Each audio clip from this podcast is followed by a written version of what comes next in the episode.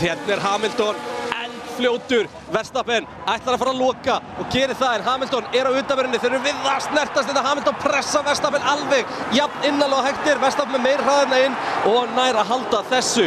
Vel gert á meðan. Á meðan eiginlega Klerk komið fram úr Bottas. En við bara tókum alltaf eftir, það var svo mikill slagur þetta fremst, Leclerc upp í þriðarsætið og Hamilton ætlar að hrifsa fyrsta sætið af Max Verstappen en á fyrsta ring. Setur pressunni í kopp, það treyðir svo inn að verða farlefili. Það er snerting! Það er snerting og þetta er risastórt krass Verstappen út í bekkinn eftir snertingu við Lewis Hamilton og Leclerc tekur fórstuna hérna.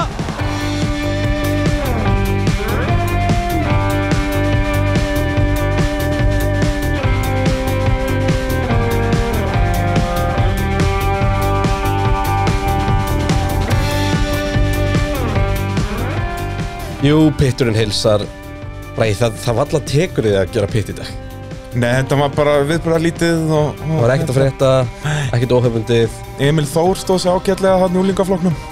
En annars, Já, annars það tala ekkert um, mikið að uh, frétta. tala um rallycrossin bara Býtu, hvað, ég veit hvað ég annað að tala um. Var, já, það var formúlu Þetta var jafn lélegu brandari síðast Já, En ég er svo sniður. Það er endar Þetta er agalegt að hafa svona Það mátti- það mátti deila formúlikeppnum um það. um hásumar meðan að Íslands motorsport er í blámanum.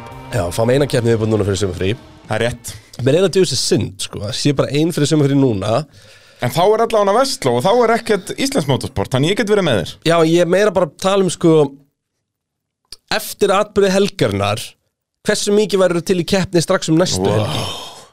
Aftur að Silvestón. Já, bara eins og í fyrra Bara bing, bara boom Það væri rándýrt program uh, Nóa Sirius Studio eða að gera gott mót hér í dag og pitturinn að sannsögðu bóði verkværasölunar Viaplay og Ólís dömur mínar og herrar uh, Breskur kapakstur um helgina ekki satt Bresku kappastur, sprett kappastur Kappasturinn að koma heim og, og brestlið að berja skepp nýtölsku liði og þetta vætti sætatón penaltís eins og maður segir Já, já Þetta getur ekki klikkað uh, Þetta náttúrulega var heftarlegt eigum við að þóra að gera hana þátt því að Ég- sko, meða við hvernig internetið er búið að láta shit, sko. sko, bara ég ég er ekki að gríðast þér, í gerkvöldi þegar ég var farin að sofa þá sem sagt, ég er með svona á símanum mínum, þannig að hann fer alltaf á silent klukkan eitthvað ákveðið, Já. en þá er hann líka tengdu við vekjara og í dag er fyrsti dagur minn í sumafrí þannig að ég náttúrulega slökti á þú veist,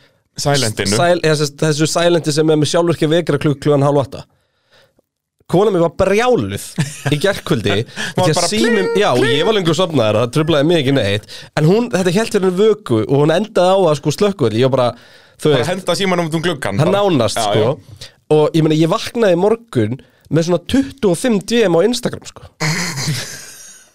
Og í hvað ég vildi ekki vera frægur eins og þú nei, ég er ekki að tala um það, ég er bara að meina þú veist, Það er hiti í það er svo mikill mannskapnum. hiti í Já, mannskapnum heldur Og sko, betur maður og það var svolítið fyndið að sko þeir sem að stega Hamilton í þessu voru svolítið svona meira talandi rós að reyna að tjóka hvort ég væri pínu sammála Já, já, væri, og það, það er svona þeir eru yfirvegaðir út af því að Já. þeir vita að þeirra en maður eru, var en, aðeins að skýta á en sig eru ekki að tala ofinbellega því að Nei, það nei. er pínu bara Já, þá getur þú verið stjagsettur á internetinu já, og bara það sem að ég hef ágjörð akkur núna er bara ef við gefum út til þá þá bara hættir helmingur að hlusta á biti Já, alveg 100% Við þurfum bara að setja okkur við það Það er bara hlustun fer niður um 50% En við bara verðum að taka það á Já, bringunum og það skiptir einhver máli hva, hver okkar skoðun er sko Nei, nei. Bara, Ef þú ert Hamilton maður og við segjum að þetta sé Hamilton að kenna Já.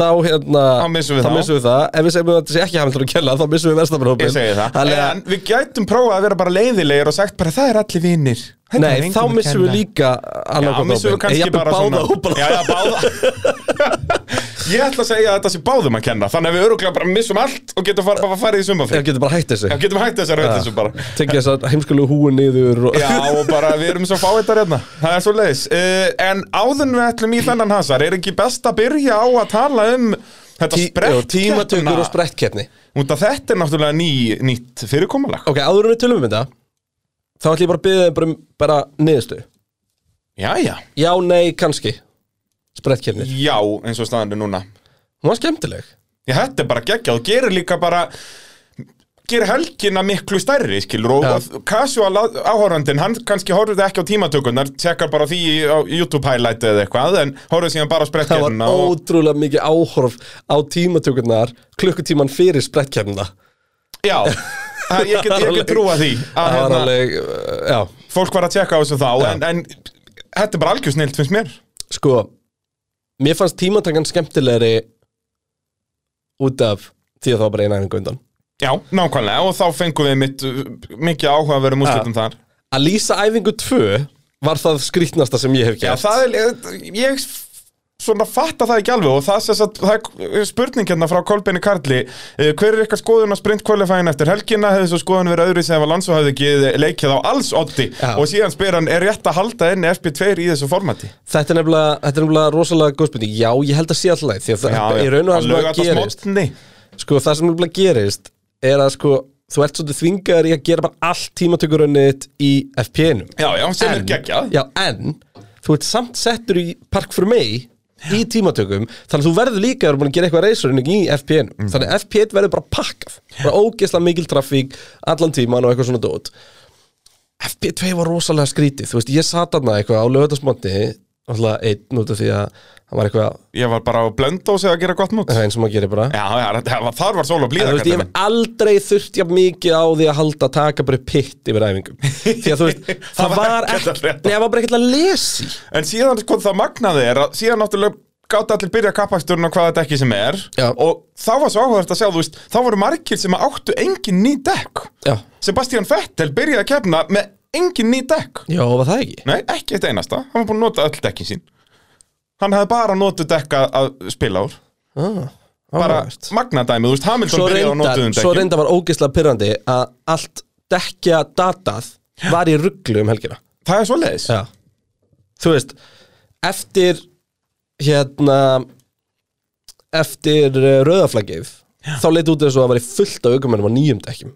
Já, En svo bara byrju, nei, þeir áttu bara það Já, áttu ekki já, tvo það- ganga á nýjum millihörðum það voru nokkri sem áttu, ég held að Verstappen áttu tvo millarða og einn harðan, hann átti sem sagt þurfti þrjá ekki- nýja hann þurfti ganga ekki að nota sko. þá Nei, Nei, en hann kerði ekki raskat í æfingu Verstappen? Já. Nei, það er líka útskýrð það, hann átti hann þrjá ganga, þú veist, þannig að hann hefði getað tekið þetta leikand á tústopp. Ef þetta hefði verið vennilegt þryggja uh, þryggja æfinga og svo tímatökur Mhm. þá er verstafinn ekki ráspól Já, 100%. Eina ástæðan að verstafinn 100%. tekur ekki ráspól eru að þeir, þessast, hann klúrar dekki upp í dunni og dekkin eru búin fyrir síðustu fjóra beigir Eins og við höfum oft séð á, á Silveston.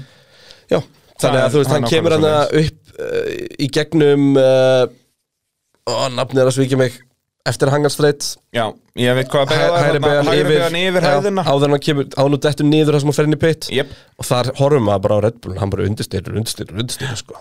þannig að Gerir ekki hérna Síðan fannst mér sko líka áhugavert, það var tekið viðtal við held ég Red Bull svona strategíugæjan á laugadeginum Já. og svona spurt út í ok, nú fáið þið alveg frítt val, þú veist, verður það ekki líka alveg áhugavert, þú veist, út að menn munu taka mismunandi strategíur og eitthvað, hann svaraði þessu bara, já sko við strategíukallarnir að Við erum mjög svona hugsum mjög svipa þannig að það kemur ekkert óvart að allir byrja bara á sömu dekkjum og svo bara á sömu deginum allir á mídjum nema Nema Peres Perez. Já, Já. Peres var á hörðu sem að við þurfum bara að ræða hérna eftir því að það var óskilinleitt en sko, ok, fyrir maður að skilja sprekk hérna um, Hamilton alltaf ömulega ræðsíku Já, og það er eina ástæð eð, ok, það er ekki eina ástæð, það er ástæðan fyrir vestamiknins fram úr en á þessum fyrsta ring og þetta er svo mikilvægt fyrir hérna kapasturinn og atvikið ég er alveg viss um það, á þessum fyrsta ring þá lærir Hamilton það að a, verstapinn er veikur á fyrsta ring mm Mhm. -hmm. dekkin er ekki nóg góð hjá honum hann er, hann er upp með hittaug, eitthvað álíka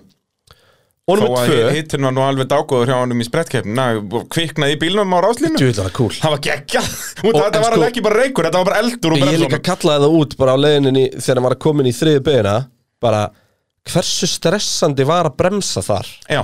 bara þú veist, eru allar slöngur ennþá tengdar já og bara Ég felgan að fara að brána undan Einmitt. bílnum Og bara já já, það var samlegt en hérna, þeir voru líka ógeðslega lengi að stilla sig upp Já og líki keppni sjálfri Bara hann satt að byggja í svona 40 sekundur á, á ráspól og, og náttúrulega fyrir þá sem ekki skilja þá eru öll kæling á bremsunum þess eðlis að bílinn þarf að vera á ferð til að fara í loft í gegnum bremsukerfin Jep. en uh, sko það sem, að, það sem að Hamilton lærir í sprettkefni, við byrjum bara á að bara afgreða Hamilton og, og Verstappen er að einmitt, Verstappen er hann er, hann er með, það eru veikleikar á fyrsta ring hann er svona, hann er vulnerable þú Já veist. já Og mér Hamilton næstu búin að ná sætunni tilbaka Já, þarna.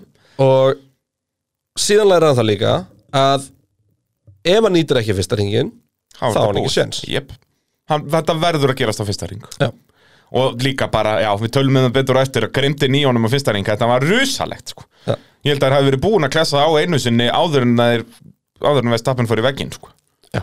þannig að, að, Þannig þannig að- þetta, þetta er áhuga að vera við sprettkeppnina, menn læra svona og líka, mér finnst þetta akkurat rétt lengt á sprettkeppnum þá hefur fyrsta ringin og allt rama þar en svo koma líka alveg þú getur ná sætið tilbaka, þú veist, þetta var annað ef þetta væru sjö ringir eða eitthvað og þá væri þetta bara svona, ok, við tökum fyrsta ringin og svo basically keir allir og þannig er staðan, en þ- þetta gefur ökumönnum tækifæri og þú veist ef þetta verður raunin að sprettkeppni eru komna til að vera það var í gaman að sjá, þú veist, eitthvað tíma nefa eitthvað Red Bull eða Mercedes skýtur á sig í tímatökunum á föstudegi að sjá hann reyna að vinna sig upp hversu hátt hann kemst á þessu hvað voru þetta, 20 ringir eitthvað svo leiðis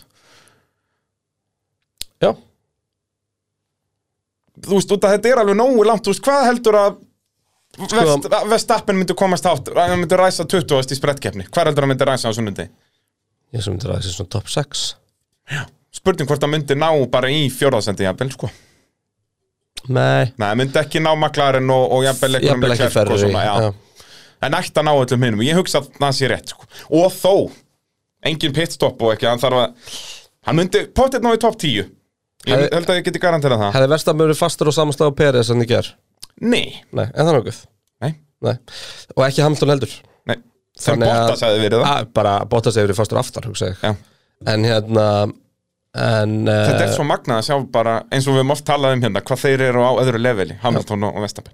en það er líka hlut til og sem kemur svolítið inn í þetta þessa kraspælingu Mm. þegar Lewis Hamilton eða Max Verstappen er að taka dífun á þig þá ertu bara að fara að gefa plásu þetta hægri bíl sko.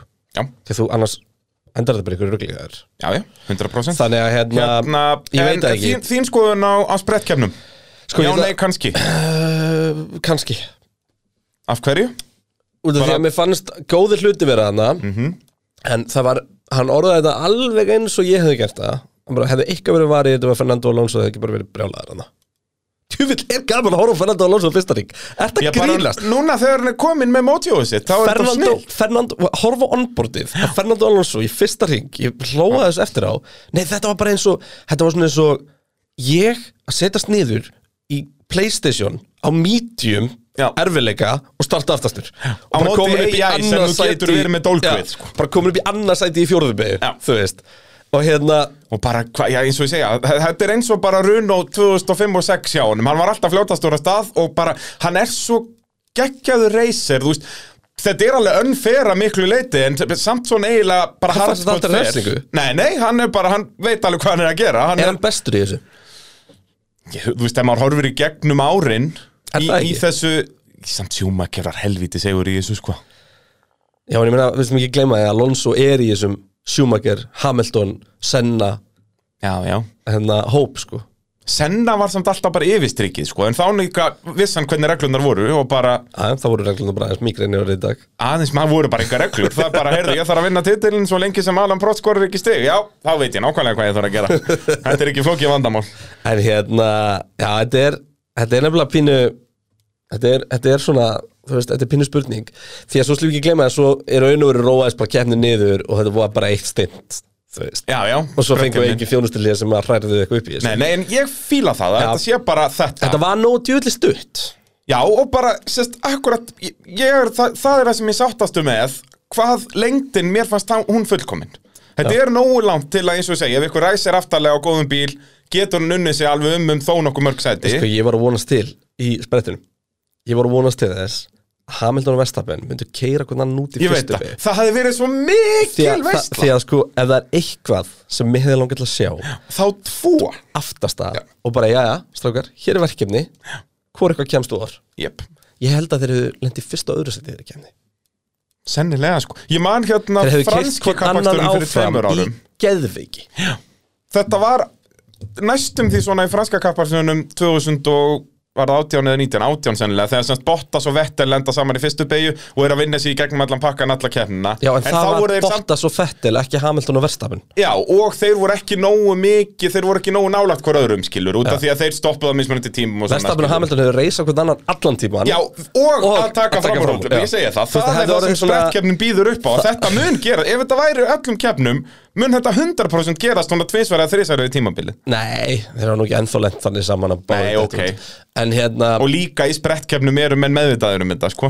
þú vilt mér frekar fannst þá það bara ekki. gefa þeir, þeir á fyrsta ringi í, í, á löðan Þetta er alveg getur gæst Já, já. Krassið úr keppninni hefði alveg eins getur gæst á löðan er, það er enda rétt, það er rétt. Þetta var bara Það voru bara, olbúðanir voru jafnlant út og hægt er Já. Og Þannig að sko Fyrir mér er þetta ennþá kannski Já, bara út af að þetta er ekki fullreint Já, skilur, mér þurfum að finnst sjá að þetta oftar. formatið einhvern veginn off Þú veist, Hvernig þá? ég hefði viljað sjá sprettkefni Ég hefði viljað ganga allar leið og að sprettkefni væri bara einhvern veginn svona aukakefni með bónustigum Það eru hefði náttúrulega kannski ekki bónusstig. já, en hefði kannski ekki áhrif á endilega kapasturinn sjálfan, ég veit það ekki og prófa að snúa hófnum við Mér finnst það, ég fíla það ekki ég var svo bara til að sjá það einu sinni Já, reverse grid já, Þá bara miða við stöðu í mótinu já það ekki Getur ekki gert tímatökur Þá verða það er spurning hver fer hægast Nei, að, þú veist, það þyrfti eiginlega þetta er oft gert í sko þetta er oft gert í minni móturöðum sem er að keppa á svona stórum helgum segjum bara að væri þú veist, Formula 4 eða eitthvað að þá væri tímataka svo feature keppni og svo sprett keppni endan og þá er það sérst Þá er það topp öfugt. top 10 úr sprett keppni ræsi öfugt Þannig er bara í formúlu 1000 á Íslandi kappaksterinum Já, nákvæmlega. Tvær keppnir Þú veist, og það, það, það virkar alveg því að þú ert þá búin að vera með keppna með stóru stigunum sko. Já, já En svo er nei, líka já. bara hægt, þú veist, eins og í heimsmestarakeppnin í rally að þá er ásýrðin er sest, öfug heim, heimsmestararöð Já. Við erum raunin rétt út af því að það er vest að ræsa fyrstur Já.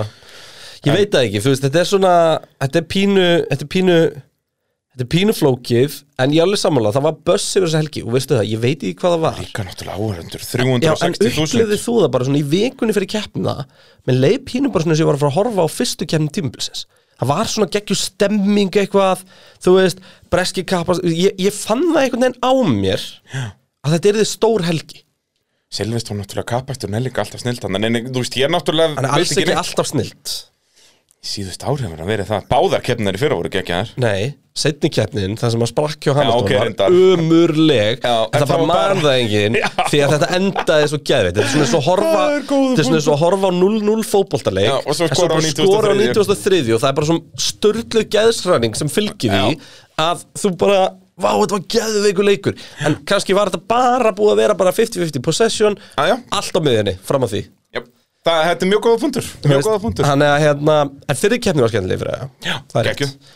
En hérna, nei, djöfull er ég, ég Clark fann góður mjög þarna. lítið að þessu En það var ég bara á kanfi í öðru Herri, ég ætla að byrja á aðeins áðurinu förum áfram og því að við, þú veist Herri, við, nei, Við erum bara að reyna að stolla því eins mikið og hægt er að tala um þetta helviti satvík Nei, ég var, ég var að spá sko, ætlum við að tala um tímatökurnar í samengi við keppnina Því að þú veist, við þurfum alltaf að tala um George Russell í tímatökum Við þurfum að tala um Justin Clark í tímatökum Við þurfum að tala um Lewis Hamilton í Já, tímatökum við gerum það bara þegar við förum gegnum liðin Ok, og Við verðum bara að rífa hann plastur af ætlum, og Kristján. ætlum við þá að ræða um Peres og hérna, Russell refsinguna og það bara núna þegar við tölum um aukumennina Já, já, en Ætlum við fyrst náttúrulega ætlum við að fara yfir þetta Já. Við verðum bara að gera þetta, Kristján Sorry með mig En það er nefnilega, ef þú vissir það ekki að þá hann á fyrsta ringa þá var samstöð tvekjað aukumanna Það er rétt Það var, Ég, man, ég, ég, ég held ég að við hýrt eitthvað af því já ok Það er sérst, ég get útskýrt þetta fyrir þér Það var Max Verstappen eh, sem að sem sagt eh, snerti Lewis Hamilton, eða Lewis Hamilton snerti Max Verstappen Lewis Hamilton þetta er Max Verstappen Já,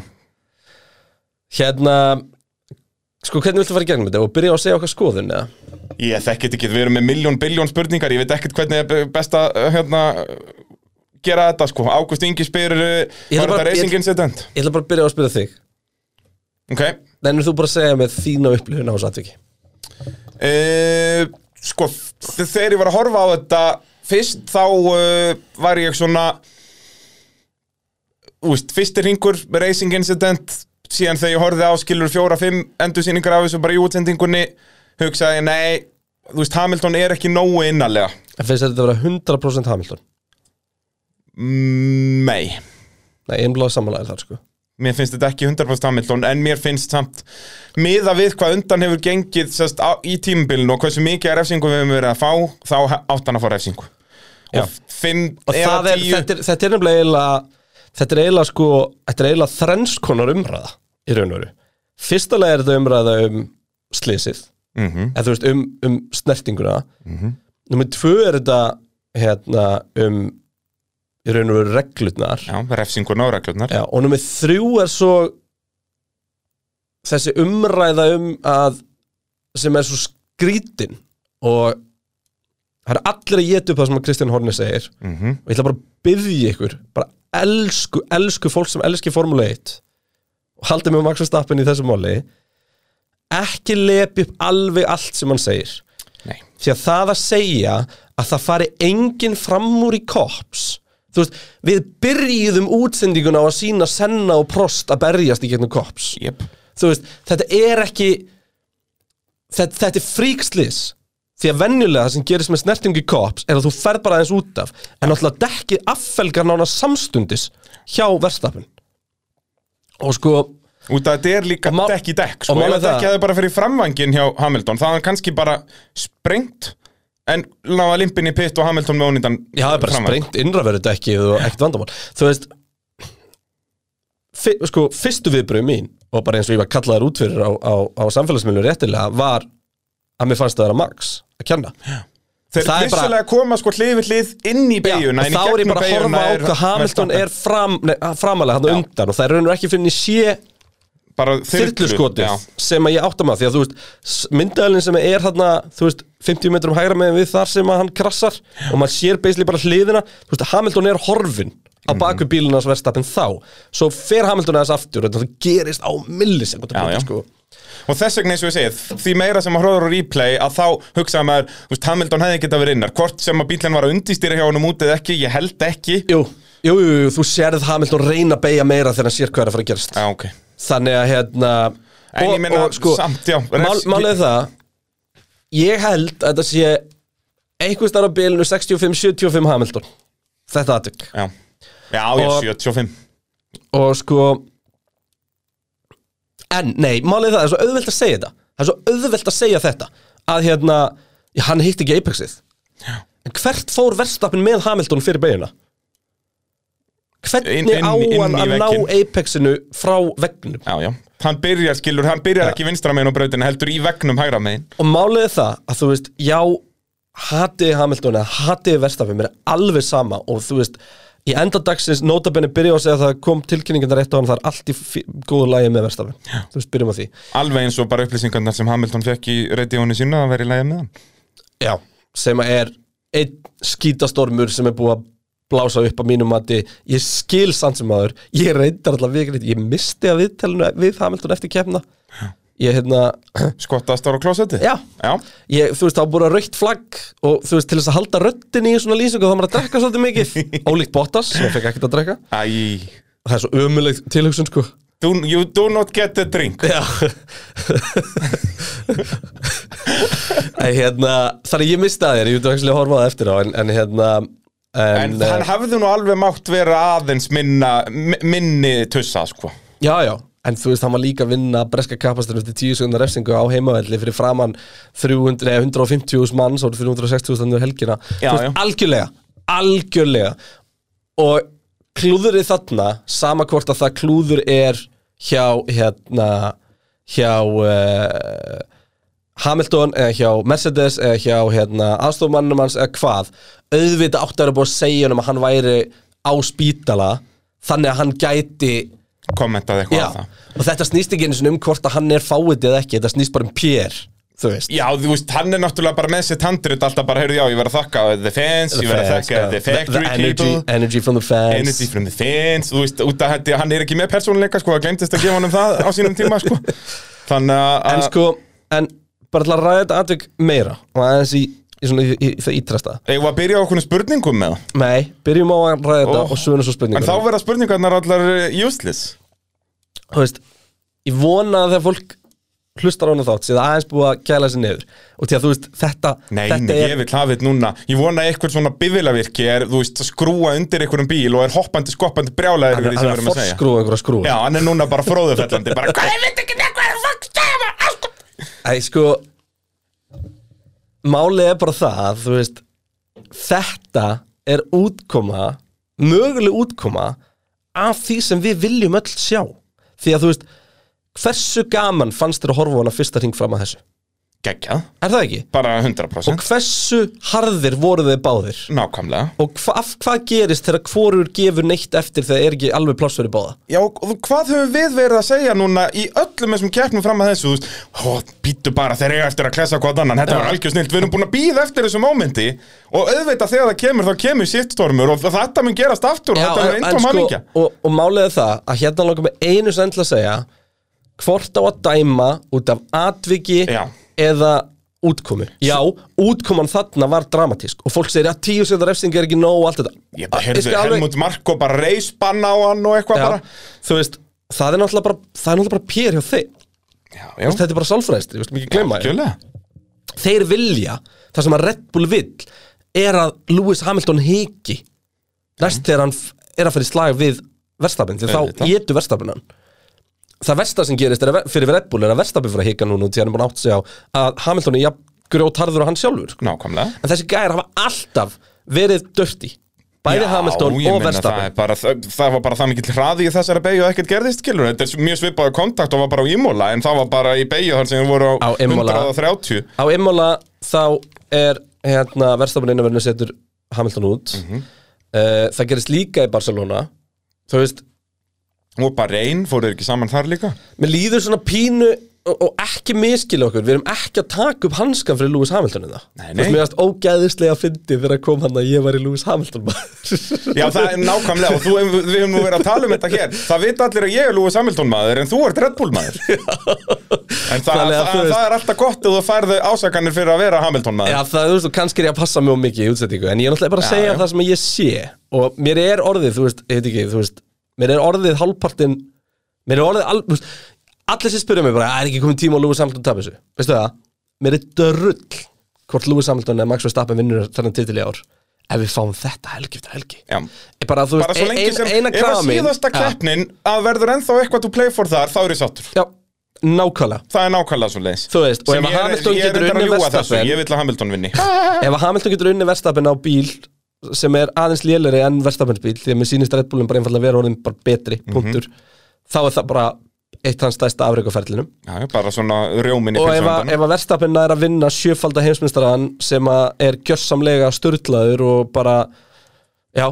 þá hérna- Það er bara að stoppa sigurgöngur hans Ég meina, stoppa það er- sigurgönguna hans, þá er það bara líka Ég sturdlaður segi árangur þannig að þú veist en þetta atvik þetta, þetta, sko, ég ætla fyrsta lagi að bara fá að fordæma alla sem ætla að fara að stíga upp með eitthvað rasisk ummæli á Lewis Hamilton eins og er búið að vera bara, Já, það er nú ekkert á Íslandi samt nei, en þú veist, bara það að Red Bull þurfi í alvörun að senda frá þessu yfirlýsingu um að fólk sem að segja þetta sé ekki þeirra stuðnismenn er svakalegt, sko Já, þetta er náttúrulega bara fullir brettar Þú sást nú hvað þau gerðu við Landon Norris En svo langar mér, já, nákvæmlega En svo langar mér til að, hérna Til að líka bara benda á eitt Ef að þú hélst með Schumacher Eða Senna Guð minn ánáttur Og ert núna að lasta Hamilton Já, Það skal þetta aðeins laga hann skaltu vera heima hjá þér Já, því að þú veist, þetta er ekki næstu því jafn gróft og því henni tveir voru, sko Það var líka bara bleitnant, þú veist, Schumacher bara í síðustu keppni og hann veit, ok, ef að núna Damon Hill klárar ekki þá verið mistari, ok, bombum uh, honum út í vegg, Gerði það sama við Prost bara bing, bara boom E, Já, nei, Senna gerði það við Prost Já, það er Schumacher, já, Ég já, sagði Schumacher. já. Senna gerði það sama við Prost Já, ætlaði að segja. nákvæmlega, já, Suzuka var ekki 90 þegar að fyrir utan bara Prost er komin að fara fyrir utan bara það Schumacher job og eitthvað svona shit sko Já, já. þú veist það var bara alls konar hluti til það sem að hafa bara það sem hann bara var, er bara komið treytmarka nafn á sko. ég hann segja það og, og, og þú veist eins og Schumacher 96 í HRF þegar hann gerði nákvæmlega sama við Villeneuve en nema þá virkaði það ekki Einmitt. og það var svo blöðlegt Það bara, hann bombaði bara í sætpotin á það er hann fyrsta formuleitt minningi minn það er svo leiðis Já. það er ekki, ég, þú ert eldri en ég sko ég man ekki eftir þessu, ekki live ég man eftir þessu live þetta er fyrsta formuleitt minningi minn live og það er hérna, og fyrir vikið sérst, uh, Schumacher klára 96 sísonu með 0 stig, það var all stíin tekin á honum og þú veist hann er ég, ég er svona þú veist ef við rýnum í atvikið og mér lákaði bara aðeins bara aðeins til að fara með fólkið í gegnum að það er Formula 1 er búið að taka saman skoðanir frá sem sagt uh, hvað er með það? skoðanir hverju? frá, bara hinum og þessum bara aðdándum eða keppendum nei, það er og- bara máli sko, Leclerc sagði þetta var kemsatvik hann var á bakvið á, hann sagði bara, "Ég, þetta var bara 100% kemsatvik já, fyrst ringur og eitthvað, já, já Já um, Kristján Horn er náttúrulega segir hérna að þú veist uh, Hamilton was not significantly alongside Max as you can Já, see já. from the point of contact Lewis's front left to Max's right rear uh, þú veist, the, the move was never on Mér fannst best hvernig Toto Wolff orðaði þetta It takes two to tango Já, þú vil að fyndi þegar Toto Wolff var Það að er segja um að besta. hann hefði sett e-mail Þa, Ég Hi elska Michael, þessi hi Michael, fíja it's Toto here uh, I- I sent have you an I sent you an email uh, It's a diagram Já, og, og Michael Masi bara uh, Ég skoði ekki e-mailina mína í miður keppni Ég horfði á keppnina Ég mína elska þess að hvað hann er Og svo kom hann hljóp ógeðsleg hlaupandi upp Hann hljóp upp til, í, til keppnistjóran Sjálfsög, það er verið að reyna að stoppa það að keppni sér ónýtt fyrir Hamilton Já, það er Ted Kravitz talaði um þetta eftir keppni sko, að, að hérna, hann kom, kom hljópand og Ted Kravitz þurfti að benda honum á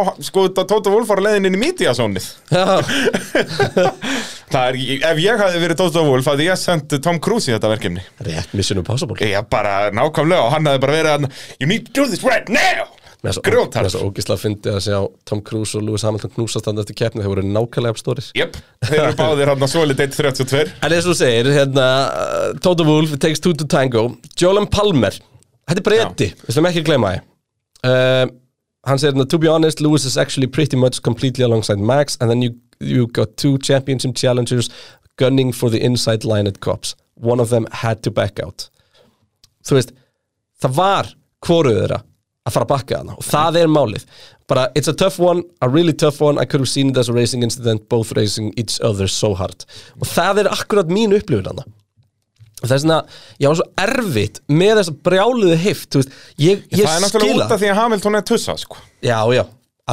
algjörlega, ekki gleyma því Leclerc hérna, it was very difficult to judge from the car uh, everything went very quick, there were quite a few things going on around me, but I think it's a racing incident but it's very difficult to put blame on one or the other mm Mhm. -hmm. Karun Chandok, hann kom með eitthvað svipað ég sá að fólk að byrja að dissa hann alveg massíft um, ég ætla ekki að einu svona að segja hvað Valtteri Botta segir því hann er nú Sagði hann eitthvað, hann er nú ekki Eh, maður mi- margra orða I saw them fight on lap one a bit like yesterday I had a feeling something was going to happen Okkar maður En Alex Albon segir þetta bara nákvæmlega sem við erum búin að segja hérna This has been brewing since race one of the championship Nákvæmlega Part of me thinks Max could have closed the door to stop Lewis from ever going into that position, but at the same time, when Lewis overtook Charles, it was a similar position to me, maybe slightly different angles. Það er rétt. Þú veist, Leclerc náttúrulega bara pressar hann ekki alveg. já, já. Eh, Um, Mér fannst magnað með að sem sagt, Og svo- Mercedes, já, kláraði þig Svo kemur Carlos Sainz inn á endanum og, bara, og hann segir bara, þú veist, ég hef auðvitað búin að skoða þetta og þú veist, ég, I've got mixed feelings hérna. Uh, the accident itself, I think, is very difficult to judge, only both Only both know what they could have done differently to avoid the crash. It was very tight, they're obviously fighting for, the, for big things and I prefer not to judge too much. Og málið er það, En hvað, þarna er enginn þessara kommenta að koma, þú veist, þetta var 100% Hamilton að kenna nei. Áhugavert og ég held, ég held að við sem öll sammála eiginlega allir allavega sem horfa á þetta að við séum sammála því að þetta er meira Hamilton Já, en mér finnst þetta ekki vera eitthvað þú veist að það þurfa að crossfesta Hamilton dæmi en þú veist, það er náttúrulega bara út af afleiðingunum, skilur við já en ef að Max segir bara ef að dekkið er bara brotna undan en stoppaði malgrinn þetta er nákvæmlega eins, sko held ég Já, já þú veist eins og þú segir bara Lewis Hamilton á svo marga heitir sko Já, Skiljanlega. skiljanlega, hann er náttúrulega ekki með persónuleika og er, er eh, tíkin okkar, blessa það Þannig að þú veist Æ, ég veit það ekki ég, Ef að fara í spurningan þar ég, þú veist, Já, sko, fyrst mi- alltaf ég, mín- eh, hérna, það sem mér fannst áhugavert er að Mercedes, ég held að þeir hafi vitað að þeir væri að fara að fá refsingu fyrir ístartið. Því ég fór að hlusta á radio-tjatterið á milli, sérst þegar Bono gefur Lewis upplýsingarnar hann, bara var það ekki bara eiginlega strax á fyrsta ringi eftir endurræsingu, eða annan eða eitthvað, kom mjög fljótt Já, mjög fljótt þetta er endur að syngu og hann segir hún bara, ok, já, við, hérna, við erum með 10 sekundar refsingu og Hamilton segir ekki neitt, algjör þögn bara, og síðan eitthvað hálfum hring setna kemur Bono þú veist, að þetta breytar þetta planin okkar nú verður að gera það sem þú þarft að gera þú veist, planin var það augljóslega að vera rólegur fyrir aftan að klerk, en núna þurft hann þá að gera árás og taka fram úr honum og, og Lewis Nei, bara, ok, planið var nefnilega Planið var mjög áhugavert Og við slum koma inn í það bara eftir þegar við fyrir að tala um það Já. En hérna En planið var ekki að fara framlega glæknumla Það er það áhugaverið í þessu. jú, ég held framan af en síðan áttu þeir sá því að getu það ekki og þá fóru þeir í, í planið sem á endanum virkaði, sko Já, Ræðum það á eftir. Já. Andri Snær spyr, var þetta straight up bold move hjá Hamilton að mínum að þetta er þetta alveg klárt að Max hafi verið fyrir framann og því með línuna. Já, Þú veist, núna náttúrulega, við erum búin að ræða þetta allt og mikið núna sko. Nei, nei, menn, þetta var bold move Já, algjörlega, hjá þeim báðum bara En þú veist sko, Við, við glemdum mér þess alveg að ræsa, ræða eitt sko. Og það er, fyrst þetta var refsing Var þetta rétt refsing? Þú veist, ég hafði Ég bjóst við eftir að hafa hort á þetta replayin að þetta er þessi klassika 5 sekundar refsing sem við séum mjög mikið af En 10 Þetta var, þetta sekúndur var samt gróara heldur en Í ljósi aðstæna heldur en þú veist Landó og Peres Af hverju? Bara út að þeir eru af meiri hraða eða? Þú veist, þannig ertu aftur farin að tala um afleðingar frekar en bara ef þú horfir á Nei, ég er ennþá að tala um atvik sko. Bara út af, út af staðnum En, sem þetta er á en, sko. en af hverju finnst þér þetta alvarlegra? Út af því að þarna ertu ekki bara að fara út í möl Þannig ertu að fara í Þú veist, út af því að afleggingarna hann að vera alltaf starri Já, þá ertu byrjar að tala um afleðingar Þannig á að gera efreksingu, af hverju gefa honum þá ekki bara stoppkópinandi Já, eða þetta bara er- taka hann úr keppni alveg eins og þetta, verðstappin er, þetta er sennilega Þetta er sennilega Flóknasta atvik til að dæmi í Formule 1 Bara í mörg, mörg, mörg, mörg, mörg, mörg, Já, þess vegna nú síðastliðin ár hefur ekki verið dæmt í svona first lap incidents Nún eru þeir bara byrjar á því aftur og við tölum einmitt um það síðast mæst eftir Austuríkis fjaskófið að þurfum við ekki að fara tónið aðeins niður og, og núna náttúrulega bara út að þetta eru þessir tveir og þá fer allt í háaloft, kiluru Það fór alltaf í álof þá líka En ég meina ekkert Já, af refsingunum í Austuríki átt að vera refsing Nei, Og þú veist Ef, ef við ætlum í alvörin að fara inn í Formule 1 þar sem aukumunum mega bara ekki kljást Já, þú veist, og þetta er líka, og þegar þetta er svona dæmi, förum þetta eins og bara Alan Prost og Senna árið 90, þá slefti Arton Senna bara sle að bremsa fyrir beiguna. Já, Það var bara eins keyrði blatant, á. já, já, hann var bara með innri línuna, svo er Prost á undan honum og er að fara að taka beiguna og Senna keira bara inn í hliðina á honum og Það er bara bremsar ekki svona sem neitt. að gera í Gran Turismo Já, já, bara þegar þú ert pyrraðar online, Já. einhver er búin að snúa þér og þú rörur inn í hliðina á hann í næstu herpind. Ah. Að að það er allt annað og við erum ekkert að tala um að hægt að gera refsingar og þá endir þetta allt svoleiði skilur en, en eins og við tölum síðast, þeir verða að fara að slappa hans af á þessum refsingum Tandem online, við munum draga út í F1 2021 leiknum okkar hér smá wow. sem sagt og fyrir þá sem ekki vita hvað þú ert að tala um, hvað ert að tala um uh, Við uh, vorum með Facebook post Það sem okkast unni nýja Formule 1 leikin sem var að koma út Angriði Plissum 4 eða 5 Vekkjandi fyrir þá sem er að hlusta núna og er ekki búin að læka okkur á Facebook Já, mjög sveikandi Ákveðin skellur, uh, Einar Bergmann spyr Finnst öllum, þetta, finnst finnst öllum að þetta sé eðlileg keppni? Hamilton keirir aðal anstæðing sinn út úr keppni og hann þarf aðlýningu vegna alvegleg áraksturs og hann fær bara tíu sekundur refsingu Einnig langar mér að fá að vita ykkar skoðun á að hleypa liðsfélaga fram úr á það ekki að vera bannað, við kannski tökum það betur á eftir þegar við tölum um Bottas Uh, Þetta er ekki eðlileg keppni þegar viðkomandi er hleypt fram úr og getur keirt anstæðingin út úr keppni Ég, ég er svolítið gaman að því hvað allir eru bitri við því að Bottas hefur lift Hamilton fram úr Já, bara farulegt Þess, hann, er, hann er í vinnu við þetta Já, þetta- Alveg eins og þetta- Peres er í vinnu við þetta hjá Red Bull sko. Þetta er liðsýþrótt sko Já. Ég meina fólk hafði voruð brjálega ef að Peres hafði verið fyrir framann verðstappin og Peres hafði ekki hleyft verðstappin fram úr þá myndi allir snúa þessu við Já, mér er svolítið áhugavert sko En, en hérna, ekki, við finnum alveg til með Bottas En, Já, eh, ég meina hann er bara ekki nógu góður ökumæður þú veist hann verður bara að gera þetta en hérna það, Þú veist, akkurat, en þarna komum við líka inn á regluverki í Formule 1 Að, þú veist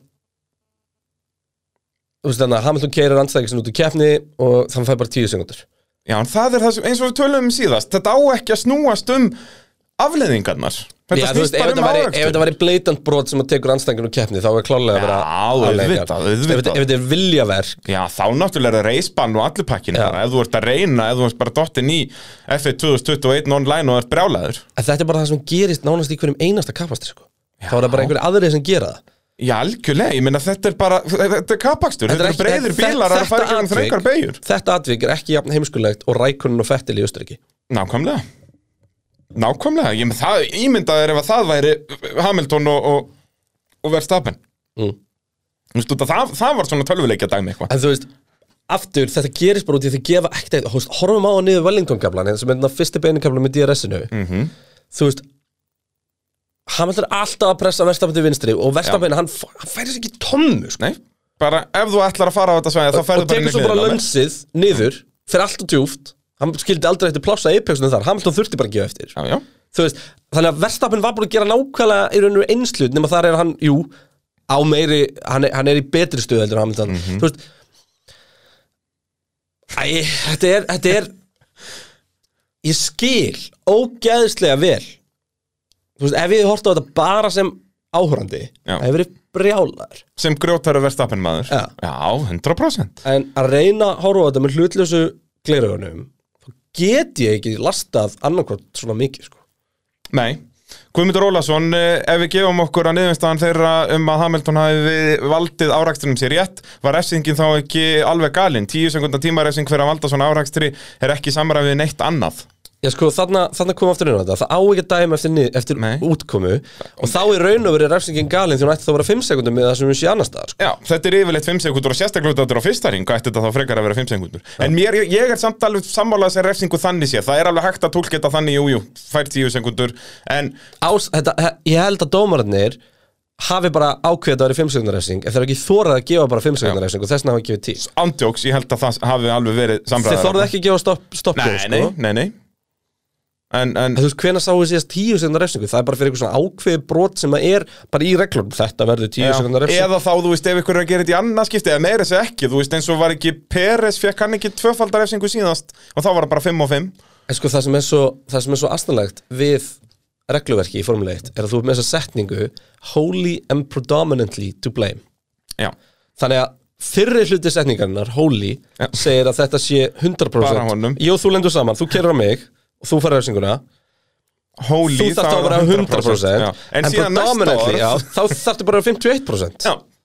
Og þannig er þetta orðað í reglunum Rosalega skríti En Nei, mér finnst hann að blekki skrýtu þetta, þetta, út að þetta er allt vafatri það er aldrei neitt árakstur eins Nei. þannig að reglunar verða að vera veik með þetta svo að fólk getur taklað þetta en, en eitt svo, má, atvik í einu. svo má spyrja sig þú veist, á eiga reglunar að taka á mismunandi eftir í hverði er og ef það, ætti- ef það væri bannað frá framrönda akkur er það ekki bara alltaf gult flaggið í þessari beig Já, nákvæmlega þú veist, það er ein beigja í kapastir þannig það er hérna herpin í Macau sem er bara of þröng eða bara tvei bíla, bara stoppa allir Já, það, það er bara alltaf tvöföld gul flögg þar í þeirri beigja, bara það er bannað að taka fram af hérna alltaf, það er bara ákveðin kabli Það er störtlu staðrætt ja, þú veist, þetta er bara, við erum bóstala að tala um þetta er eins og snúa við í kringu vegg sko Já, þetta er bara svona eins og Monaco herpinni sinnum tveir bara, þess að bara ef það var í one lane dæmi uh, Monaco herpinið Já þegar- þe- þe- Sem sagt, þe- hótelbeygja. Þetta þetta er Monaco herpinið eins og það væri engin svona aflíðandi líni heldur bara, Þetta væri bara hot Já. skil, já.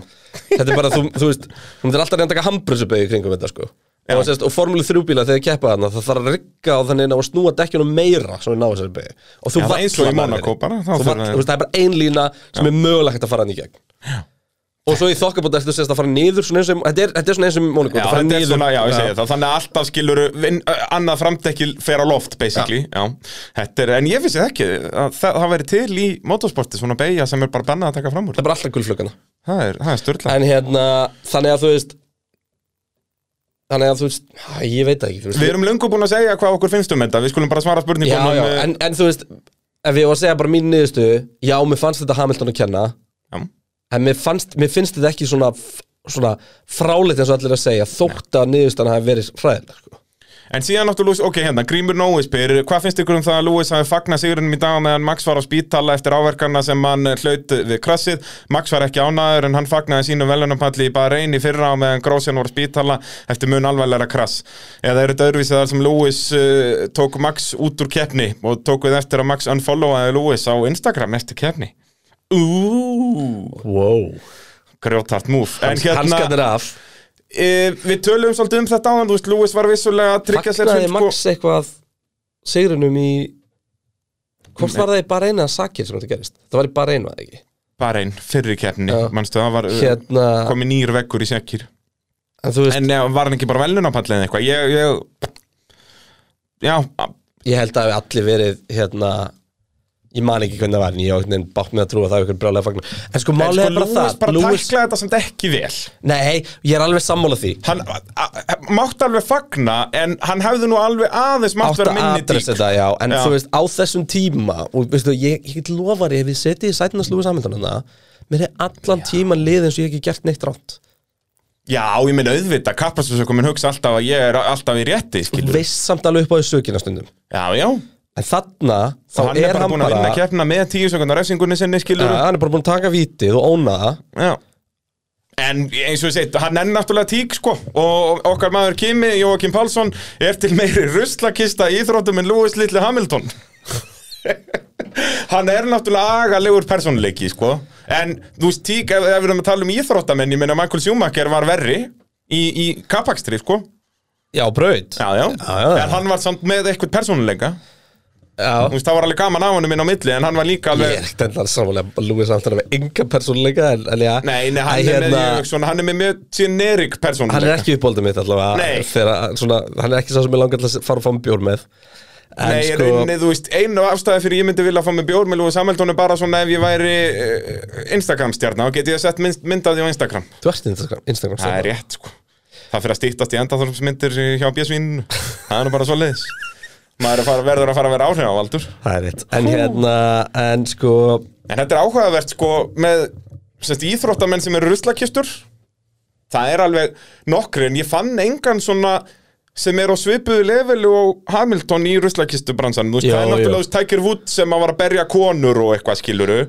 sem er ekki cool, en hann er ekki svona það, ég, mér dettur ekki neitt í hug strax sem er svona, ef Þú veist, ef við ekki, Þurr og- ef við ekki að afskrifa þá sem eru bara bókstælega glæpamenn jú, jú, ég segi Þú það veist, ég við erum bara- ekki að tala um þannig Það er ekki að fara að setja Hamilton á level með einhvern bannanýðing sko. gæja. Nei, Þú veist en hérna þú veist, það er náttúrulega alltaf í íþróttum ef ykkur er dominant þá fær hann haters, það er bara svo leiðis Já, en og hann veitir það- verður svolítið leiðilegur fyrir vikið Þetta, þú veist Hattu ég gæðan en það sem þessi gæði búin að gera fyrir fórum leittir hella sko.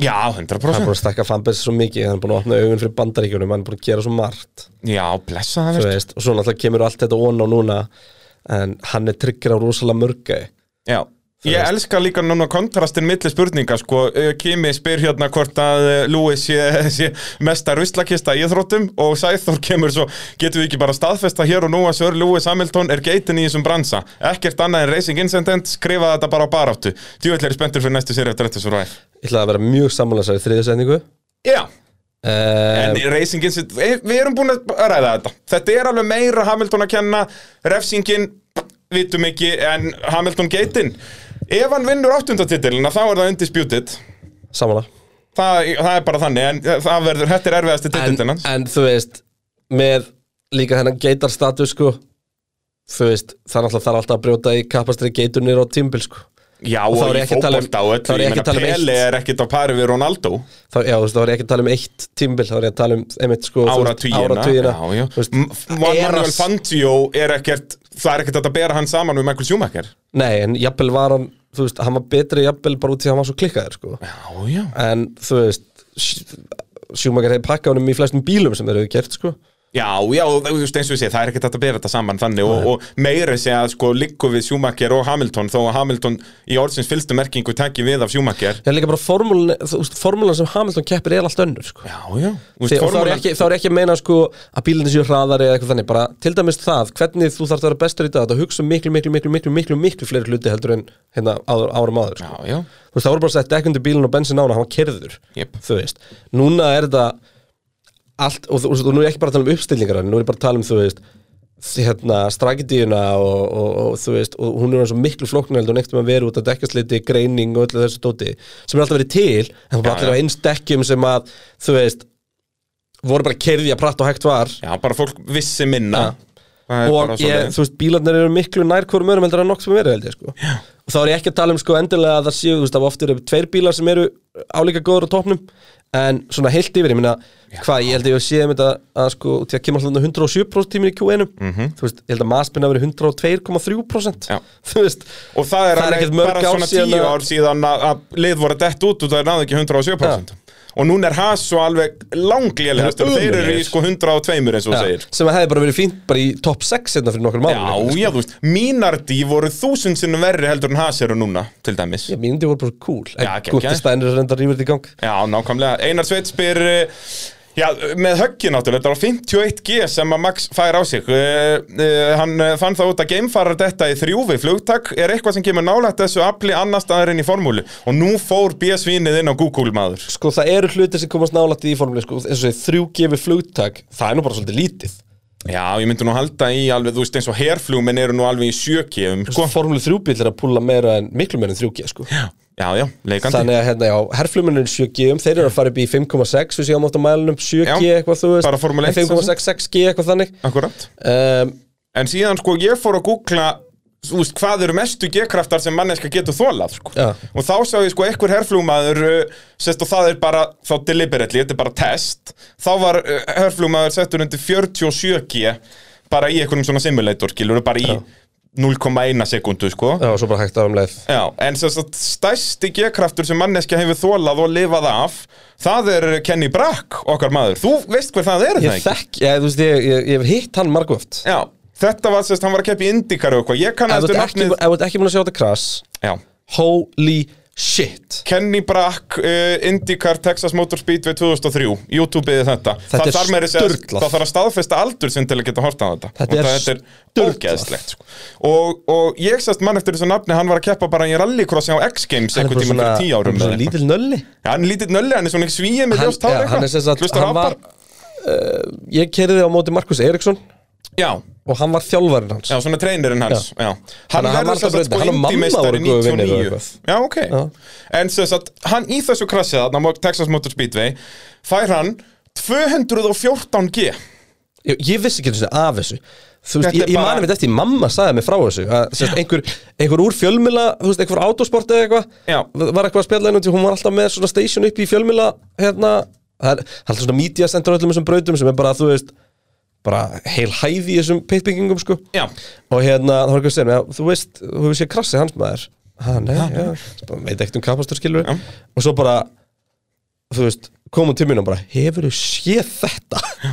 Út af þetta sem sagt, hann fer klessir á annan bíl og fer á loft og þið þekki þessar indibrautir, það er sérst steipuvegur og svo er svona girðing þar fyrir ofan og hann fer á eitt girðingapóstinn með Sem svona, grípur hann. sem grípur hann og byrjar að snúa bílum út að stærsta geðið kemur ekki í högginu heldur í snúningnum, síðan er bílinn eins, snúandi eins bara og þessar test hérna sem að flugmenn fara í Já, þetta var rauninni. svona eins og spinningtoppar og hann snýst Já. ábygglega ég veit ekki, þetta er ábygglega pff, hvað ætti maður að giska, þessu margir ringir svona 40 ringir ábygglega á, Þetta á er upp í- þetta- fjórum sekundum sko þetta er sturdlun sko og þess vegna er hann að fá hennan sko 200 G kraft ábygglega í svona góðar 4-5 sekundum og hann náttúrulega braut flest öll bein í líkamannum og bakið á sér og, og bara allt rifbeinin hann fatt að hann var rifbeinsbrotin þremur vikum eftir þetta þá var svona flestu aðgeri búnir og þá svona koma læknandir heyrði já þú ert rifbeinsbrotin líka já við þurfum að kíkja á það eitthvað og, og þú veist á brautinni þá voru brautarstarfsmenn að pikka upp þeir voru með bara svona litla plastpoka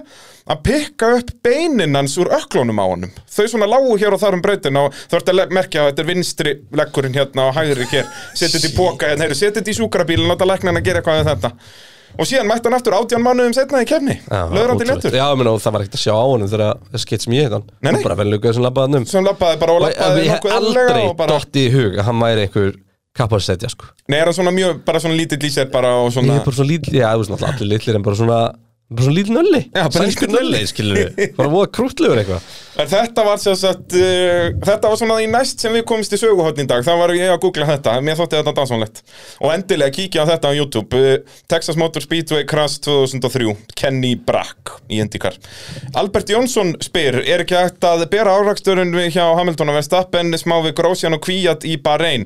Hárhraði, svipu, snerting nema önnur á beinum kabla, afleðingarnar báða svipaðar nema náttúrulega sprengja hjá Grósjan, nema Kvíat var meiri maður og gæti allavega haft smá vorkun með fellow driver. nei, Það mér kemur finnst það aftur þetta engan hátt verið hægt að bera þetta tvent saman Nei, út að þetta verður 100% grósjan að kenna í bara einn Já. Það er út að hann var á beinum kabla og það var grósjan allt öðru sko við slum heldur ekki gleyma því að, að þú veist Lewis sér bara vestamir fyrir út fæði svo bara skilabúðin um hann sé í lægi Mhm. það er ekki fyrir hann kemur aftur hringsteinn og er raun og veru sko lúka krassi held ég ekkert hella þá því að þú sér ekki hvað bílinn er ónýtur frá brautin, Brautin. Og sérstaklega ekki þegar komið safety bílar þarna fyrir og eitthvað Og síðan skilur hann svo það fær ótrúlega skrítið hann að hvað voru lengi að geta byrja Já, þetta var rafmagn. ég sko Málið er það, það var grænt ljós á bílnum en datasensorinu voru ónýtir þannig að Red Bull gati ekki staðfest úr skúrtnum að bílinn var ekki læg Þetta var líka svo steikt út af því að þeir stóð Það voru svona 20 manna her sem stóð og enginn var til snerta Tilbúin, bílinn já. Já, þá náttúrulega kemur ykkur eitt gæja með fartölu og stingur í samband já. þannig að hérna já, þetta var, þetta var áhugavert En ég er samt, sem sagt, eins og við um talaðum Hamilton, hann hafði alveg mátt rífa sig aðeins í gang og, og hafa sér en aðeins betur í Hamilton viðtölunum þarna. hefði alltaf ég trúi ekki öðru en ef hann hefði vitað að Max Verstappen hefði verið fluttur á sjúkrafus Já, að hann, hann alltaf fæ bara skilabór, hann labbaði í burtu hvað því, hérna, herri, það var svakalegt hérna, þú þetta segja mig frá, frá hérna, rally sem hún stáðum helgina R- bara við tókum þetta samtalus um þarsýstu helgi þegar voru allar veldundar hann upp á Kaldadal var það ekki, já. þú veist og ég- það var hérna súbúröfum blái, Garðar Já, já, hérna, Garðar og Garðar, Rúna. Garðarsfeggar og hérna og þú segir bara, þetta er bara þessi bíl er ónýttir, svaklega þessi, ég er ok og hann læði með það, já þeir löpuðu bara í burtu Já. hvað heyri ég? Það er læg með það, það er bara að þið löpuðu burti Þau og lappa löbbuðu í sjálfur í burtu. burti, það var ekkert að þér bara bing, bara búm Jú, læti kannski tjekka á þér Já, Það já. er alltaf áfall og hög En þú Já, eins veist, og en það er það- búin að þetta- fá 50 G á líkamann Já. Það verður bara að fara í tjekk en þú veist, þannig að klúðrið er að náttúrulega þannig að fer Lúi saman og stendur bara í beint úr bílnum og fyrir að fagna Já, ég held já. að hef ekkert farið og hlustað á pósteris radioið meira en bara það sem kom í eða eitthvað álíka þannig er þetta, þetta er ekki bara glimt nánast á þessum tímum Síðan mér fannst líka steikt á internetuna að það voru, ég sá það á mörgum áttum að fólk var að ásaka Hamilton fyrir að spurja ekkert um Verstappen sem er bara að kæfta því. Því hann spurði liðið alveg, bara þarna, s- sest eftir rauðaflaggi kemur, þá sest þegar hann á leiðin inn í pitt þá spyr hvort að Verstappen sé ekki örugglega í. Vissulega er hann á undan því búin að væla alveg hellingum að hann væri rétti og allt það, eins og kappastasökumenn gera og, og sérstaklega þeir eru tíkur eins og Hamilton en, en hann spurði alveg og fekk svarið já, hann er komin út í bílnum, þarfti ekki að hafa ágjur þessu en veist hvað mér var svalast við þetta hvað? það er hvað klærk hvað drull hann bara botnaði hann þannig að hann sá eitthvað Já, gat auðvita að sjálfsögðu og bara Leclerc, úf, við þurfum að tala um hann hér á eftir Ah. maður Heyrðu, nú er, setjum við punktin yfir þetta Við erum búin að vera núna í tæpan klukkutíma að tala um þetta eina helvítið snatvik og erum við það- komin að nýðustu? Já, já, við erum búin að segja hana margótt að við segja þér góðu fréttinda, nú fyrir við að tala um Red Bull og svo um Mercedes Max Verstappen, hann var, heyrðu, nú er skjæla okkar eru lengra, nú eru þrýr hlutir í, í röðun Já, okkar, já, já, já, nú er já. það sko Q, uh, sest, hann var annar í tímatökum, fyrstur í spretti og kláraði ekki Nú er í fyrsta senti heimsvestaramundinu með 185 stig, núna er náttúrulega bilið bara 8 stig á milli þeirra Já, og spáði því að hann hefði sko í formulega hugsa, nú eru komin tvö DNF þar sem að Max er í fyrsta sæti Þú veist, við erum að tala um 50 punkta Já, Þú veist, ok, segjum að Max er ekki unni um, um helgina, hann er lent í öðru sæti Þá erum við samt að tala um hvað, 40 og fjör, hvað, þrjá punkta já, já Þú veist, þetta mót gæti litið allt öðru út sko Já, og þetta sýnir líka bara að Red Bull bílinn er betri Já, Red Bull og Max, Red Bull, já, ég, ná- já, nákvæmlega, nákvæmlega hérna, og þetta jafnar eitt, þetta er krass Þannig að messages voru miljón pundum undir Já núna er, núna kom miljón pundar skemmtilega á Red Bull eftir immóla þannig að Já, já Það hérna, en, en núna náttúrulega slagurinn líka í kefnið bílasmið Þetta eru bara, hvað, er þetta ekki þrjú stig á milli þeirra? var það refsing á Russell? Nei, var það nokkuð? Á Þegar hann Imola, ég, kerði á Bottas þeir náttúrulega duttu báður út Þannig að hann fekk ekki refsingu skiluru Nei, hann hefði getað að fengið grid penalty næst Ég, þá ég bara hreinlega með það ekki Nei, ég maður ekki heldur Ég held ekki Ég held um bleki sko Það eru fjögur stig á milli Red Bull og, og uh, Mercedes Uh, Störlu staðrind fyrir þessa helgi hafði Verstappen leitt 70 bara allar ringja það sem maður kefnistímubili Já, sem sýnir líka hversu dominant hann er búin að vera á þessu ári Já og hann var held ég tíu ringjum frá því að leiða þúsundasta ringið sinni í Formule 1 fyrir helgina líka Þannig að það er ekki Já, alveg ok. komið Þannig Nei En hérna, Peres, við, þú veist, við erum náttúrulega búin að takla verðstapin, hann fór bara hérna en eina ring, bara bing, bara búm, tölum ekki meir um það. Okkar maður Peres, hvað, sko þetta var það plebbalegasta sem ég sé þarna í, í, í sprettkefninni.